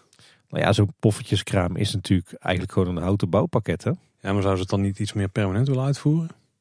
Weet ik niet. Hm. Ik kan me voorstellen dat je de gevel die uitstraling wel wil laten hebben. Maar het biedt trouwens wel de mogelijkheid om de toiletgroep daar uit te breiden, Tim. Want die zit er natuurlijk Ja, strak tegenaan. Ja. Oh, ja, dit is het. En vroeger reisde poffertjeskramen natuurlijk van kermis naar kermis. Hè. Werden ze binnen een dag opgebouwd. Ja, maar toen was het veelal met tentdoek en zo. En houten wanden. En hadden zeker houten wanden, ja. Nou, het Anton Pieckplein, Tim, daar vinden we natuurlijk de werkzaamheden aan de podcast plaats. En ik, ik, ik, ik ben hier gewoon heel benieuwd naar hoe dit nou uiteindelijk in de praktijk gaat uitpakken. Er is in ieder geval met houten plaatmateriaal een uh, voorzetwand gemaakt voor de podcastshow. Met dus de opening erin waar dan de show straks achter gaat plaatsvinden. En de hele ruimte die is uh, in piekrood geschilderd. Is het echt piekrood? Misschien nog een iets subtielere variant daarvan. Nou, bijna ossenbloedrood. Ja, ja nou, in ieder geval. Maar wat dus blijkt is dat de voorstellingen die gaan gewoon binnen plaatsvinden. En uh, als we de bouwtekening mogen geloven, dan komen er vier lange banken in de ruimte te staan. Ik heb er eens goed naar binnen staan gluren. Biedt niet zo heel veel plek hoor. Ik denk een man of 30, misschien ja. 40. En dan heb ik het vooral over kinderen. Capaciteit technisch, ik, ik, ik twijfel enorm hoe ze dit dan voor zich zien eigenlijk. Ja, misschien accepteren ze gewoon dat hier uh, gewoon maar een, uh, een, lage capaciteit is. Misschien moet je een NFT hebben om binnen te komen. ja, nou dan weet ik wel hoe druk het daar wordt. ja, en dan weet je aan de andere kant hoeveel kinderen staan er rondom een showtje van Jokie en Jet. Dat gaat meestal ook maar over enkele tientallen kinderen. Hè? Ja, maar met de kijkende ouders erbij is dan toch al snel weer een man of 80 tot 100. Dus het kan snel gaan. Ja, dat trouwens net over een, een bouwtekening. Hè. Die is gespot door een Efteling-fan met een telelens. Daar zagen we ook op dat uh, dat, dat oude ornament, wat uh, tegenwoordig in het requisietenmagazijn staat, dat dat uh, jammer genoeg niet terugkeert. Ze maken eigenlijk gewoon een soort ja, houten venster als het ware, waar de poppenkast in gespeeld gaat worden. Ah, dat zal vast mooi aangekleed worden, hoop ik. Ja, en nog een kleinigheidje op het Antropiekplein. De wijzers van de klok van Zwaankleef zijn verdwenen. Oei. Heeft de familie Vos die gestolen? Of onze vlogger Ruig? Dat zal hem zijn. Dat zal hem zijn, ja. Is die Ronnie Ruig eigenlijk niet gewoon een alter ego van Bart Baan? Zit ik te bedenken. Nee, Bart is veel beter hè? Ik zie het hem wel doen hoor. Ja, maar zo'n kijkcijfers lopen niet terug volgens mij. Dat is waar. De kleine zweef Tim, daar uh, gebeurt van alles hè?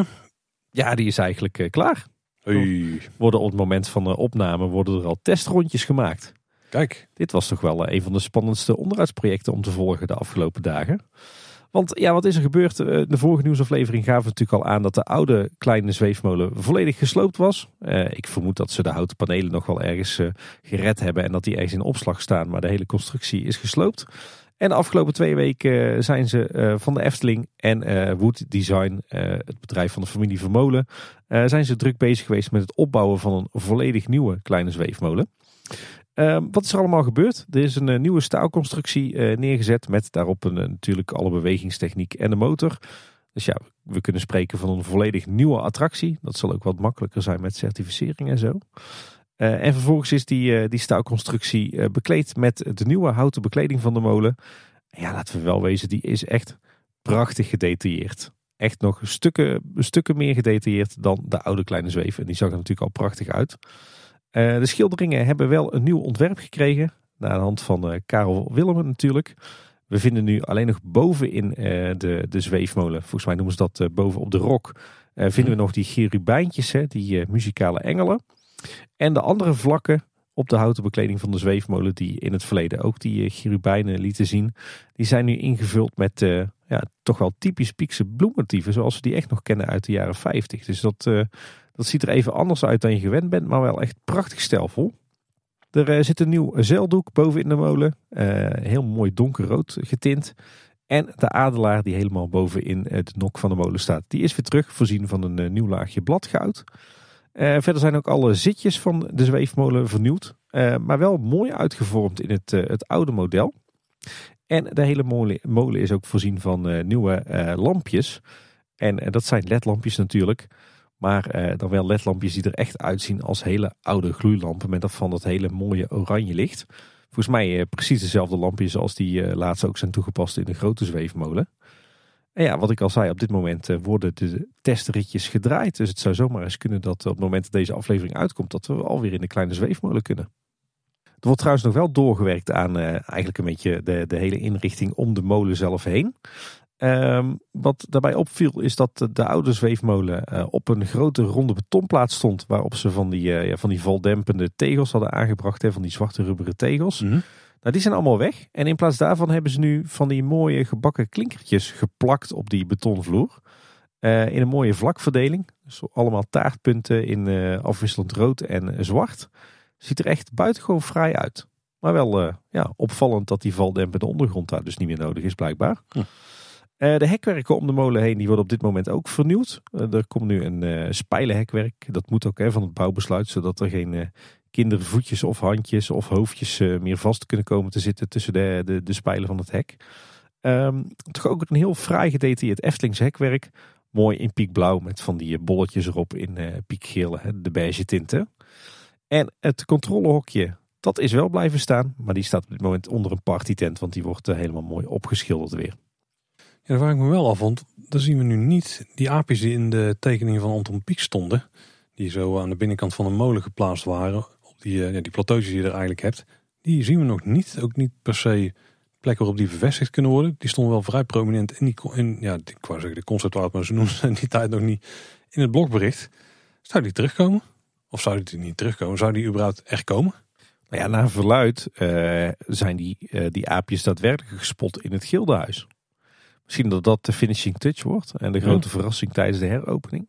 Ik uh, mag het hopen, want er zou wel echt een heel mooi element zijn voor die molen. Ja. Zeker. Het Sprookjesbos, Tim. Er is de, de zomerversie van het Sprookjesbosbord weer terug. Die we bij het begin van het uh, bos natuurlijk zien. We strak aan de lak. Was nodig, want die was uh, niet zo heel chic meer. Maar zou dit nog een houten variant zijn? Nee, ik denk dat dit al wel een aantal jaartjes een polyester versie is zo. In het uh, grote kabouterhuis daar was een kabouter die eerst achterom keek toen weg was. En nu weer terug is. En hij kijkt weer recht vooruit. Dus dat is gefixt. Nou blijkt dat de Pinocchio ook in onderhoud is trouwens. De ramen van Geppetto's huisje zijn afgeplakt. Het houten uithangbord er ook weg wat aan hetzelfde huisje hangt. En de vos en kat die staan ook in de hekken. En ze hebben natuurlijk de vis recent al aangepakt. Misschien doen we de rest van het onderhoud daar aan of zo. Het uh, blijft maar bezig hè, al die onderhoudsprojecten in het Sprookjesbos. En komt er misschien nog een aan Tim. Want de zes zwanen, daar is ook nog wat om te doen geweest. En de webcare heeft er uiteindelijk op gereageerd. De vleugels van de zwanen, die komen terug hey, dus toch. Ja, want er wordt op dit moment gewerkt aan een manier om die eh, gebruiksvriendelijker te maken voor de medewerkers die daar staan. Dat was natuurlijk het grote probleem daar. Die moesten continu buigen om die eh, te openen. En daarom duurt het wat langer. Ik ben heel benieuwd. Daar eh, zullen die zwanen echt van opknappen. Nou, wat hopelijk ook ik opgeknapt wordt, is het Routenplein. Waar we in ieder geval nu zien buiten alles wat we al hadden besproken, dat ook de kikkers onderuit zijn. En waarschijnlijk voor een flinke schilderbeurt. En de ruiters, slimme toon, de bel en de klok die zijn gedemonteerd. Oeh, wat zou er gaan gebeuren Tim, met het torentje van de magische klok? Ja, ik hoop eerlijk gezegd dat die elementen alleen zijn gedemonteerd voor een, eh, een eh, schilderbeurtje op het Gildenhuis. Maar het gerucht gaat dat uh, blijkbaar ook het hele torentje, wat natuurlijk het hart is van het sprookje van de magische klok, dat die volledig gesloopt zou gaan worden en helemaal opnieuw zou worden herbouwd. Zo. Toch wel heftig, want dit is toch een van de, ja, langzaam maar zeker oudste elementen in de Efteling nog. Volgens mij stamt dit, dit torentje nog uit de jaren 50 zou het wel heel zuur zijn als dit ook weer gewoon met de grond gelijk wordt gemaakt. Ik zou van staan te kijken als dat gaat gebeuren. Want ik had verwacht dat als ze dat zouden doen, dat ze het veel eerder al hadden gedaan. Dat ze deze elementen gewoon in de eerste week al af hadden geschroefd en dan uh, alles plat hadden gegooid. Dat is wel een, eh, een goed en ook eh, optimistische uitleg inderdaad. Laten we hopen dat dat het geval is en dat die, al die elementen gewoon een schilderbeurtje krijgen. Dan hebben we de Efteling zelf gehad, Tim. Is er nog iets gebeurd in de wereld van de Efteling op onderhoudsgebied? Ja, in Bosrijk wel, want daar hebben ze echt letterlijk alle bebording en bewegwijzering eh, vervangen op het vakantiepark. Uh, de wegwijzers die waren in het verleden echt van hout. Dat begon heel snel te verweren en dan waren die teksten niet te lezen. Uh, ze zijn nu vervangen door, door wegwijzers van polyester. Maar die zijn vervolgens wel gedecoreerd alsof het hout is. En de letters en de icoontjes die zijn netjes uitgefreesd en ingekleurd. Ziet er best vrij uit eigenlijk. Volgens mij zijn ook de palen waar al die wegwijzers uh, aan bevestigd zijn vernieuwd. En die zijn wel nog steeds van hout. Ja, en dan gaan we door naar het korte nieuws. Er is wat bekend geworden over het komende zomerseizoen. Nog niet uh, alle details die we graag zouden willen weten, Tim, maar wel een paar belangrijke zaken. Als je namelijk een regulier ticket hebt, kun je een bezoek reserveren tot en met 3 september. En daarom weten we ook de openingstijden tot en met 3 eh, september. En ja, die komen eigenlijk weer een beetje op neer als vanuit. In juli en augustus is het park de meeste dagen weer open van 10 uur s ochtends tot 10 uur s avonds. Buiten de schoolvakanties om zit van 10 uur s ochtends tot 9 uur s avonds. De openingstijden in het voorjaar die zijn wat eh, ingewikkelder, laten het daarop houden. Vrijwel heel april en mei is het van 10 tot 7. Dus best ruime openingstijden. Ja. En tijdens feestdagen zelfs van 10 eh, tot 8. In juni is het door de week dan weer van 10 tot 6. En in de weekenden van 10 tot 7. Nou check gewoon voor eh, die weken de openingstijden op de Efteling site zelf. Ja, en het, uh, het blogbericht over het zomerseizoen, dat zegt ook dat er deze zomer weer extra entertainment komt, maar dat we daar pas later eh, meer over gaan horen.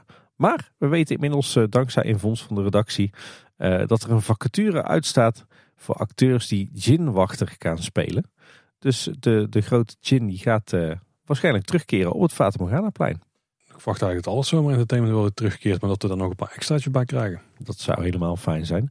Uh, ze zoeken voor gin overigens goede poppenspelers en een lage stem is gewenst. Dus Paul, Beste bezoeker van Fata Morgana. Nou, op zich kan ik wel solliciteren. Het poppenspeelstuk dan misschien niet, maar die stem komt wel goed. Ja, inderdaad. Die lage stem, dat is voor jou uh, een peulenschil, hè? Dat is gewoon mijn uh, modus operandi. ja, precies. Jouw basisuitdrukking. Hey, het, het entertainmentprogramma voor het voorjaar is uh, trouwens wel al bekend. Maar dat is eigenlijk gewoon exact hetzelfde als het afgelopen jaar. Met alle gebruikelijke acts verspreid over het park. Ook nog wat vergunningnieuws. De Efteling heeft nu officieel de vergunning aangevraagd voor het, het aanleggen van een zonneweide met hekwerk, een inrit en een ondergronds kabeltracé. En dat is natuurlijk voor het zonnepark wat gaat verschijnen aan de westkant van het Efteling terrein. De sandwichborden houden de gemoederen natuurlijk bezig. Hè? Vooral dankzij het schitterende Instagram account ja. De Wereld Vol Sandwichborden. En bij Spiegeltje Spiegeltje lijken ze inmiddels een vrij alternatief voor zo'n sandwichbord te hebben gevonden. Daar hebben ze een mooi metalen schild opgehangen met signing bevestigd aan een lichtmast. En die is ook netjes opgemaakt en die vertelt eigenlijk wat eerst op een sandwichbord stond. Ja, heel, heel goed gedaan. Echt het, het 9 plus niveau wat we, wat we graag zien. Uh, bij Aquanura is op dit moment sprake van een uh, test. Want daar is al het personeel dat uh, rond de vijver staat opgesteld voor de crowd console. nu voorzien van gele hesjes. Blijkbaar ten behoeve van de zichtbaarheid van het personeel. Nou, zoals misschien sommige luisteraars weten heeft de Efteling enkele vrachtwagens van zichzelf. En het lijkt erop dat de Efteling een 100% elektrische vrachtwagen heeft aangeschaft. Bij het bedrijf Bas Trucks. En uh, daar pronkt de fonds mee op een foto op zijn Instagram account. Er zat nog geen Efteling bestikkering op. Nee. Maar ik kan me voorstellen dat die bestikkering nog geleverd moest worden. Ja, een hele goede ontwikkeling ook weer in het terugdringen van de stikstofuitstoot natuurlijk. Ja. En de Efteling heeft ook weer een en toen reclamecampagne gestart. Het lijkt vooral in België te zijn. Misschien dat hij nog in Nederland komt. In Antwerpen zijn in ieder geval posters van de Sprookjesboom en Bron 1898 in bushokjes en tramhaltes gespot. Met een heel bijzonder perspectief. Ja, het lijkt daarbij dat de Baron 1898 midden in het centrum van Kaatsheuvel staat. Ik gok ongeveer de hoogte van het Guesthouse Hotel. Zo voelt het af en toe wel. positief het in, positief ja, toch? Ja, ja. oké, okay, okay, gelukkig. En nog een klein dingetje in de fietsenstalling. Daar is uh, na heel wat maandjes de mobiele camera weggehaald. Opvallend, want uh, er zijn uh, voordat die camera kwam toch een aantal fietsen gestolen uit de fietsenstalling. Toen kwam die camera tijdelijk en ja, nu is die weer weggehaald zonder alternatief. Dus... Nee, is er geen alternatief. Ik denk misschien nee. hebben ze op het oude hokje nog wat camera's geplaatst of zo, maar dat is niet. Nou, het zou natuurlijk mooi zijn als daar permanente camera zou kunnen hangen. Hè? Maar dat, dat lijkt nog niet het geval te zijn daar. Dit is trouwens ook tof nieuws, Tim. Want we hebben het natuurlijk over de kleine zweef gehad. Maar er is nog een andere molen in de Efteling die een hoop aandacht heeft gekregen. Of een andere molen uit de Efteling. Ja. Vroeger had de Efteling ooit een fietsenmolen. Dat was een molen waarbij je echt gewoon zelf moest fietsen. niet super veilig, want ja, die wielen en zo die waren gewoon open. En daar kon je dus ook wel tussen klem komen te zitten als het ding in volle vaart rondjes draaide. Um, maar die wordt op dit moment gerestaureerd bij decorbouwer Schaalwerk in Utrecht. En uh, er staat een filmpje op TikTok, die is inmiddels weer verwijderd overigens. Waarbij ze zin spelen op dat de fietsmolen die ze aan het restaureren zijn daar als museumstuk te zien zou gaan zijn in de Efteling. Maar dat was misschien een beetje voorbarig of misschien een beetje een grap van degene die de video heeft geplaatst. Nou, de Efteling die weet zelf wel van de restauratie af, maar er is nog geen concreet plan. De ideeën zijn nog ver van definitief en er is geen besluit genomen. Maar de Efteling heeft de fietsenmolen in ieder geval niet teruggekocht. En uh, Loopings die heeft het uh, verder helemaal uitgezocht. Dus check daar het artikel als je er wat meer over wil weten. Of het FTP-dilemma, want daar is natuurlijk alles over die molen in. Maar wel heel tof dat zo'n oude molen nog een hoop liefde krijgt. Ja, maar wat, wat zou de Efteling eraan hebben als die molen terug naar het park zou komen als museumstuk? Ik, helemaal niks. Ik kan niet eens weten waar je moet laten. Nee. Nou, ik vraag me dus af of dit, uh, dit werkelijk gaat gebeuren. Of die werkelijk naar de Efteling komt. Misschien wil het Noord-Brabants Museum hebben op het binnenplantje. Zou ook nog kunnen, ja. Hey, dan door naar wat horeca nieuws. Uh, iets opvallends, er zou nieuw beleid zijn uh, wat betreft de openingstijden. Want ten gunste van de gastbeleving zouden vanaf nu alle horecapunten altijd open zijn. Ook op de rustigste dagen, zelfs als dat verliesleidend zou zijn. Er zit een kleine kanttekening bij, want het geldt volgens mij niet voor Unox kramen. Maar verder lijkt het wel te kloppen. Ja, ik heb eigenlijk alle horeca open gezien verrassende stap. Want we zien ja. toch bij de Efteling, maar eigenlijk zo'n beetje bij alle grote pret- en themaparken, juist de laatste jaren een ontwikkeling dat er steeds vaker horecapunten dicht zijn. Zeker in verband met personeelstekort natuurlijk. Maar uh, dit is een beetje de andere weg op. En een ander horeca nieuwtje. Bij Bekkerij Krumel is er een uh, seizoensplaatgebak. In dit geval is dat het lemon curd gebak. Ik heb hem even gecheckt Tim. En het uh, bestaat en? uit een, een cakebasis. Met daarin die lemon curd, een soort citroenachtige jam. En eh, daar zit dan eh, schuimvlokken zitten er overheen. Er zit witte chocolade overheen en citroensaus. Of iets in die geest in ieder geval een beetje nou, citroenachtige saus. En eh, ja, lekker. Maar echt enorm machtig.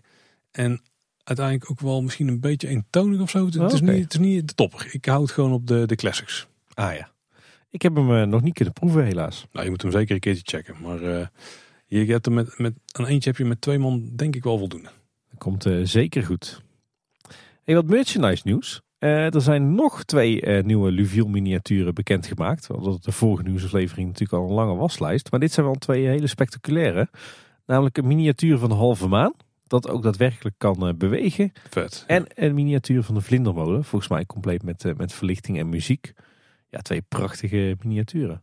Ja, je moet er aardig voor in de buidel tasten. Want het gaat meerdere honderd euro's kosten volgens mij. Ja, tussen 200 en 300 euro begreep ik. Kan me wel iets bij voorstellen. En er is een eh, nieuwe Big Shopper te verkrijgen. Zo'n grote boodschappentas eigenlijk. Hè? Voor 5 euro. Met het silhouet van het Huis van de Vijf Zintuigen. Wat is nou het, het bijzondere?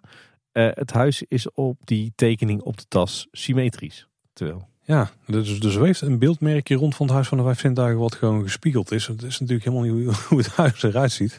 Maar je nee, ziet hier wel op meerdere plekken het, langskomen. is, eh, het is alles behalve symmetrisch eigenlijk. Ja. Het Huis van de Vijf Zintuigen. Ja, bijzonder. Ja, ook nog vervelend nieuws, vooral voor mij, want ik zou deze zomer daar in de buurt moeten komen. Maar met je Efteling abonnement ga je geen gratis toegang meer krijgen tot Liseberg. Toch een van eh, nou, ons beide favoriete pretparken, denk ik. Ja, zeker. Top 5 materiaal hoor, wat mij betreft. Want de samenwerking tussen beide parken is een tijdje geleden gestopt. Mogelijk keert het voordeel in de toekomst weer terug. En de Efteling zegt erover dat ze weer in gesprek gaan. Dus het is gewoon een kwestie van afwachten wat daarmee gaat gebeuren. Ja. Er bestaat een, eh, een samenwerking tussen de Efteling en PSV en die is met drie jaar verlengd. Wacht, wacht Paul, ik ga even een bakje koffie halen. Nou, er komt daar nog meer voetbalnieuws, Tim, dus doe maar twee bakjes. Maar die samenwerking die bestaat op dit moment vooral uit het uitwisselen van kennis tussen PSV en de Efteling. En dat doen ze op het gebied van klantbeleving, gastvrijheid, entertainment en online strategie. En ja, als we dan toch over voetbal hebben, haalt maar meteen aan. Heel lang geleden, Tim, vroeger, eh, toen shirtsponsoring in de eredivisie is toegestaan, toen is de Efteling meteen erop gesprongen. En die zijn toen shirtsponsor van Sparta geworden, Sparta uit Rotterdam. En die hebben dus een tijdje gevoetbald in een eh, shirt eh, wat gesponsord door de Efteling. Er zijn ook hele toffe foto's van te vinden. Dan eh, zie je ook nog eh, Louis Vergaal bijvoorbeeld in zo'n t-shirt zitten. Ja. Kijkt ook heel blij op die foto trouwens, de groepsfoto. Je hebt een schitterende groepsfoto. Dat er allemaal van die stoere mannen met ruige snorren en zo eh, in Efteling voetbalshirt staan. Te poseren voor een teamfoto. Met echt een enorm muffe pardoesknuffel dan op de voorgrond. die, die is ook eh, mooi. Of zelfs een Jokie knuffel. Nee, Jokie knuffel volgens mij zelfs. Ja, nou, echt eh, geweldig. Maar ter ere van het feit dat het 40 jaar geleden is dat Sparta voetbalde in dat shirtje, kun je dat shirt nu in beperkte oplage verkrijgen in de Sparta winkel voor eh, 70 euro. Kijk aan. En dan denk je dat is flink aan de prijs. Ja. Maar dat is een vrij reguliere prijs volgens mij voor voetbalshirtjes. Ah, zal je misschien verbazen, maar ik zit niet heel erg in de voetbalshirtjes. Nee, ik dacht deze moet misschien een Samla maar Eh, dan had je echt een original moeten hebben uit 40 jaar geleden. die laat ik even aan me voorbij gaan. ik vind het wel grappig. Ik ben natuurlijk eh, pas net een paar weken aan het, eh, aan het werk eh, op mijn nieuwe werkplek. En eh, dan heb je dat dus eh, mannelijke collega's dan bij je komen staan om dan over voetbal te praten. Want die ken je dan natuurlijk nog niet door en door. En dan zit ik ze altijd een tijdje glazig aan te kijken. Tot ik eh, dan maar eh, opbieg dat ik helemaal niks heb met voetbal of eh, om te even welke sport. Er is vast een barbaar term voor, maar ik kom er even niet op. Sportbarbaar, dat is niet echt iets hè. Nee. Nou, als die term bestaat, dan eh, Dan past hij jou als een handschoen. als een voetbalhandschoen. Als een keeper- keepershandschoen. Hier, zelfs, dat, zelfs dat weet Nou, ik. hier, nou, dan, dan, dan zo'n barbaar ben Ja, precies. Ja, en iets wat ik wel echt tof vind. ehm, op zondag 29 oktober vindt er weer een eh, Efteling en Anderpiek verzamelbeurs plaats in de Voorste Venne in Drunen. Net als eh, het afgelopen najaar. Eh, ook deze keer mede georganiseerd door eh, de Vijf Zintuigen. En het is nu niet zomaar een beurseditie, eh, maar een speciale met onder meer beursuitgaves van bepaalde souvenirs, bijzondere gasten en verrassende bezienswaardigheden. Dus ik eh, ben benieuwd wat de collega's en vrienden van de Vijf Zintuigen hiervan weten te maken. En Tim, dan gaan we naar reacties van luisteraars. We hebben natuurlijk in ons stikstofblokje al een hele hoop kunnen behandelen. Eh, maar eentje die wel leuk is om even nu mee te nemen. Bas die stuurde ons namelijk een vraag. Ha mannen, hoe houdbaar is het reserveringssysteem nu er officieel geen coronamaatregelen meer zijn vanuit de overheid? In de praktijk checken ze mijn reservering nooit meer bij de ingang. En ik maak ze dan ook alleen maar voor het geval dat. Dat is een goede vraag Bas. Ik ben recent ook met wat mensen geweest die dus een, een ticket hadden moeten kopen.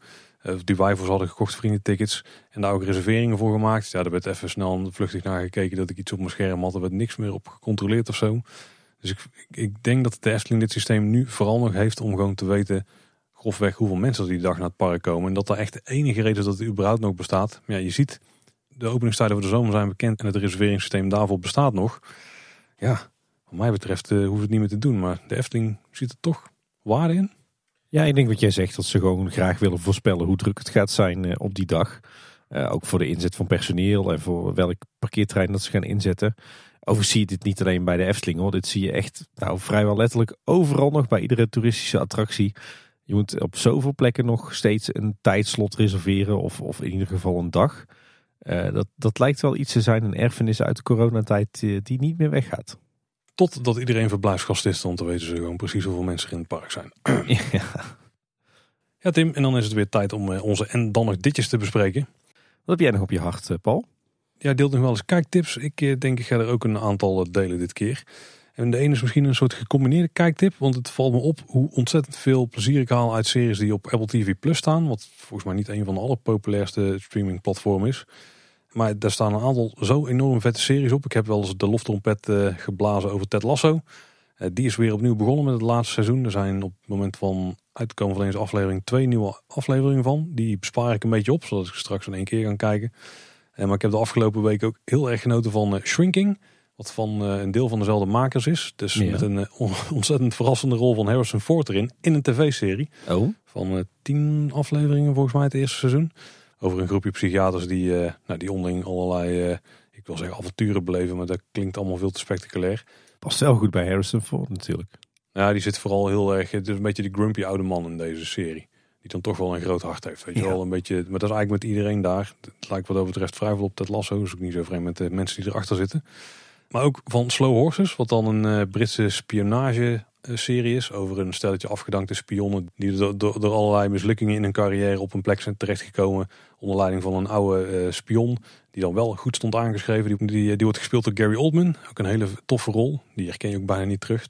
ik moest even opzoeken van is het nou echt? Ja, het is hem echt. Maar het zit ook enorm goed in elkaar. En vooral het tweede seizoen heeft ook een mooi tempo erin zitten, vind ik. En uh, For All Mankind is ook echt een, een hele dikke aanrader. Een soort alternatieve historische serie over wat er was gebeurd als de Russen de eerste waren die op de maan waren geland in plaats van de Amerikanen. Wat waarschijnlijk niet had geleid tot het einde van de Space Race, maar juist voor een, een lange verlenging van die race. Oké. Okay. Meerdere seizoenen draait die al. Zit ook heel erg tof in elkaar met ook een hele goede cast. Dus Apple TV Plus in het algemeen is een goede tip, denk ik. Scoor het gewoon een keer voor een maandje en dan uh, kijk je die vier series, nou, dan heb je de tijd van je leven. En er staan nog veel meer moois op. Ook een aantal goede films trouwens, die uh, exclusief zijn voor dat platform. Maar vooral de series zijn echt de moeite. Erg opvallend vond ik voor een verder ja, niet echt op hoog niveau meespelende streamingsdienst volgens mij. Nee, goede tips. En dan uh, de laatste tip is dat de Belgische Mol weer is begonnen. Het ah. is een beetje een standaard tip ieder jaar. Jouw paradepaardje een beetje hè? Nederlandse Wie de Mol is natuurlijk het afgeleide van de Mol. De laatste paar seizoenen van Wie is de Mol, ja, die vond ik een beetje tam. Uh, al moet ik zeggen dat het afgelopen seizoen vrij goed was. Zat voor de verandering weer eens een keer goed in elkaar. Uh, dat klinkt wel heel erg schraal, maar de, de, spellen waren beter, de twists waren beter en zo. Maar ja, nu is het seizoen van De Mol weer begonnen. En die krijgen het dan toch weer voor elkaar om in die ene eerste afleveringen meer twists te hebben dan alle... Nou, ik denk dan alle seizoenen van de afgelopen tien jaar, als ze de laatste even niet meer rekenen. Want die had het wel goed voor elkaar ja. in Nederland. Echt, dat zit weer zo tof in elkaar. Uh, met, ja, je hebt een paar van die dingen waarvan je weet, de makers hebben het op een bepaalde manier bedacht of gehoopt dat het zou uitpakken. Wat dan in dit geval op één vlak helemaal niet gebeurt. Op een ander vlak wel totaal, denk ik, zoals ze hadden gehoopt. Dus uh, nou, het is weer de moeite. Mocht je toevallig hebben gemist dat dit is begonnen. Het is weer begonnen. Dus ga dat zeker checken als je er maar een beetje interesse in hebt. Kan het ook gewoon checken op de NPO. Volgens mij komt het zelfs op tv. Maar ik kijk het digitaal. Dus dat weet ik eigenlijk niet zeker. Oké.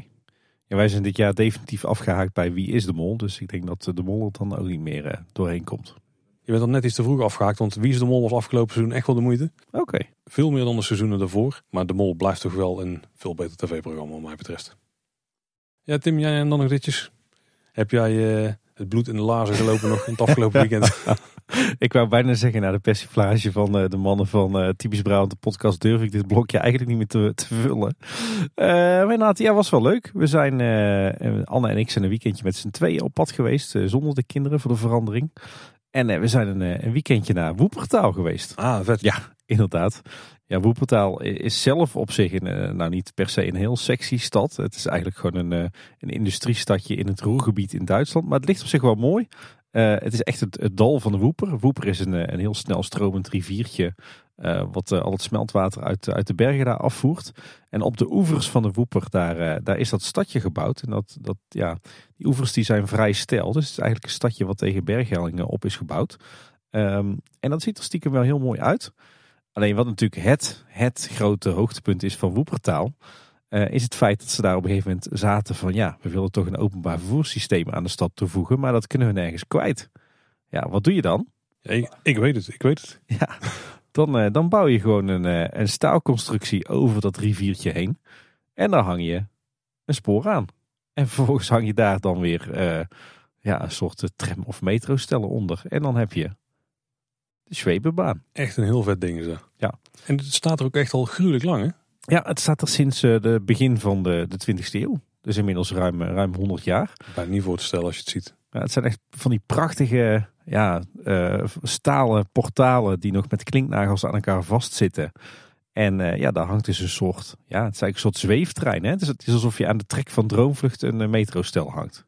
Ja, het lijkt inderdaad echt zo'n tram slash metro inderdaad die eronder hangt. Ja, dat is ja. vet, ja. Ja, en dat, dat, dat riviertje de Woeper die kronkelt lekker door dat stadje heen. En ja, die Zwebebaan die volgt dus ook echt die, uh, diezelfde loop van de rivier. En als je dus in die Zwebebaan zit, dan zwengt dat, dat, dat bakje, Oh ja? of eigenlijk het treinstel waar je in, in zit, inhangt, dat zwengt ook lekker mee in de bochten. Dus het is eigenlijk, uh, het is het en een openbaar vervoerssysteem en een attractie in één. Hoe zit het dan bij stations? Heb je dan een volledig... Uh, zeg maar, zit er dan in één keer wel een soort vloer onder de Ja. Ah, oké. Het is niet dat je dan alleen een perronnetje hebt wat er tegenaan komt, zeg maar. Met Nee, daaronder nee, nee. gewoon niks. Nee, het is wel zo dat, dat de meeste stations daar is zeg maar uh, uh, het gedeelte wat boven de rivier hangt is gewoon een roostervloer. Dus je staat dan echt op een roostervloer boven het riviertje. Oké. En, en je kan ook zo de diepte inlopen, want ja, je, ze kunnen natuurlijk geen hek, hek plaatsen, want af en toe komt er zo'n trein aanzweven en dan, uh, ja, die moet natuurlijk wel het station in kunnen rijden. Maar uh, ja, echt een fantastisch transportsysteem en ja, waar je ook staat in die stad, uh, je kunt dat ding alleen maar schitterend op de foto zetten, want je hebt overal prachtige uitzichten hè, met, met die bergen op de achtergrond, met allerlei mooie uh, bruggetjes, met, met die zwevenbaan. Ja, het is gewoon een fantastisch stadje. We zijn ook naar de Zoo van Woepertaal geweest, ook een prachtige dierentuin, mooi, ontzettend groen en mooi tegen de berghellingen opgebouwd. Um, we hebben de botanische tuin nog bezocht.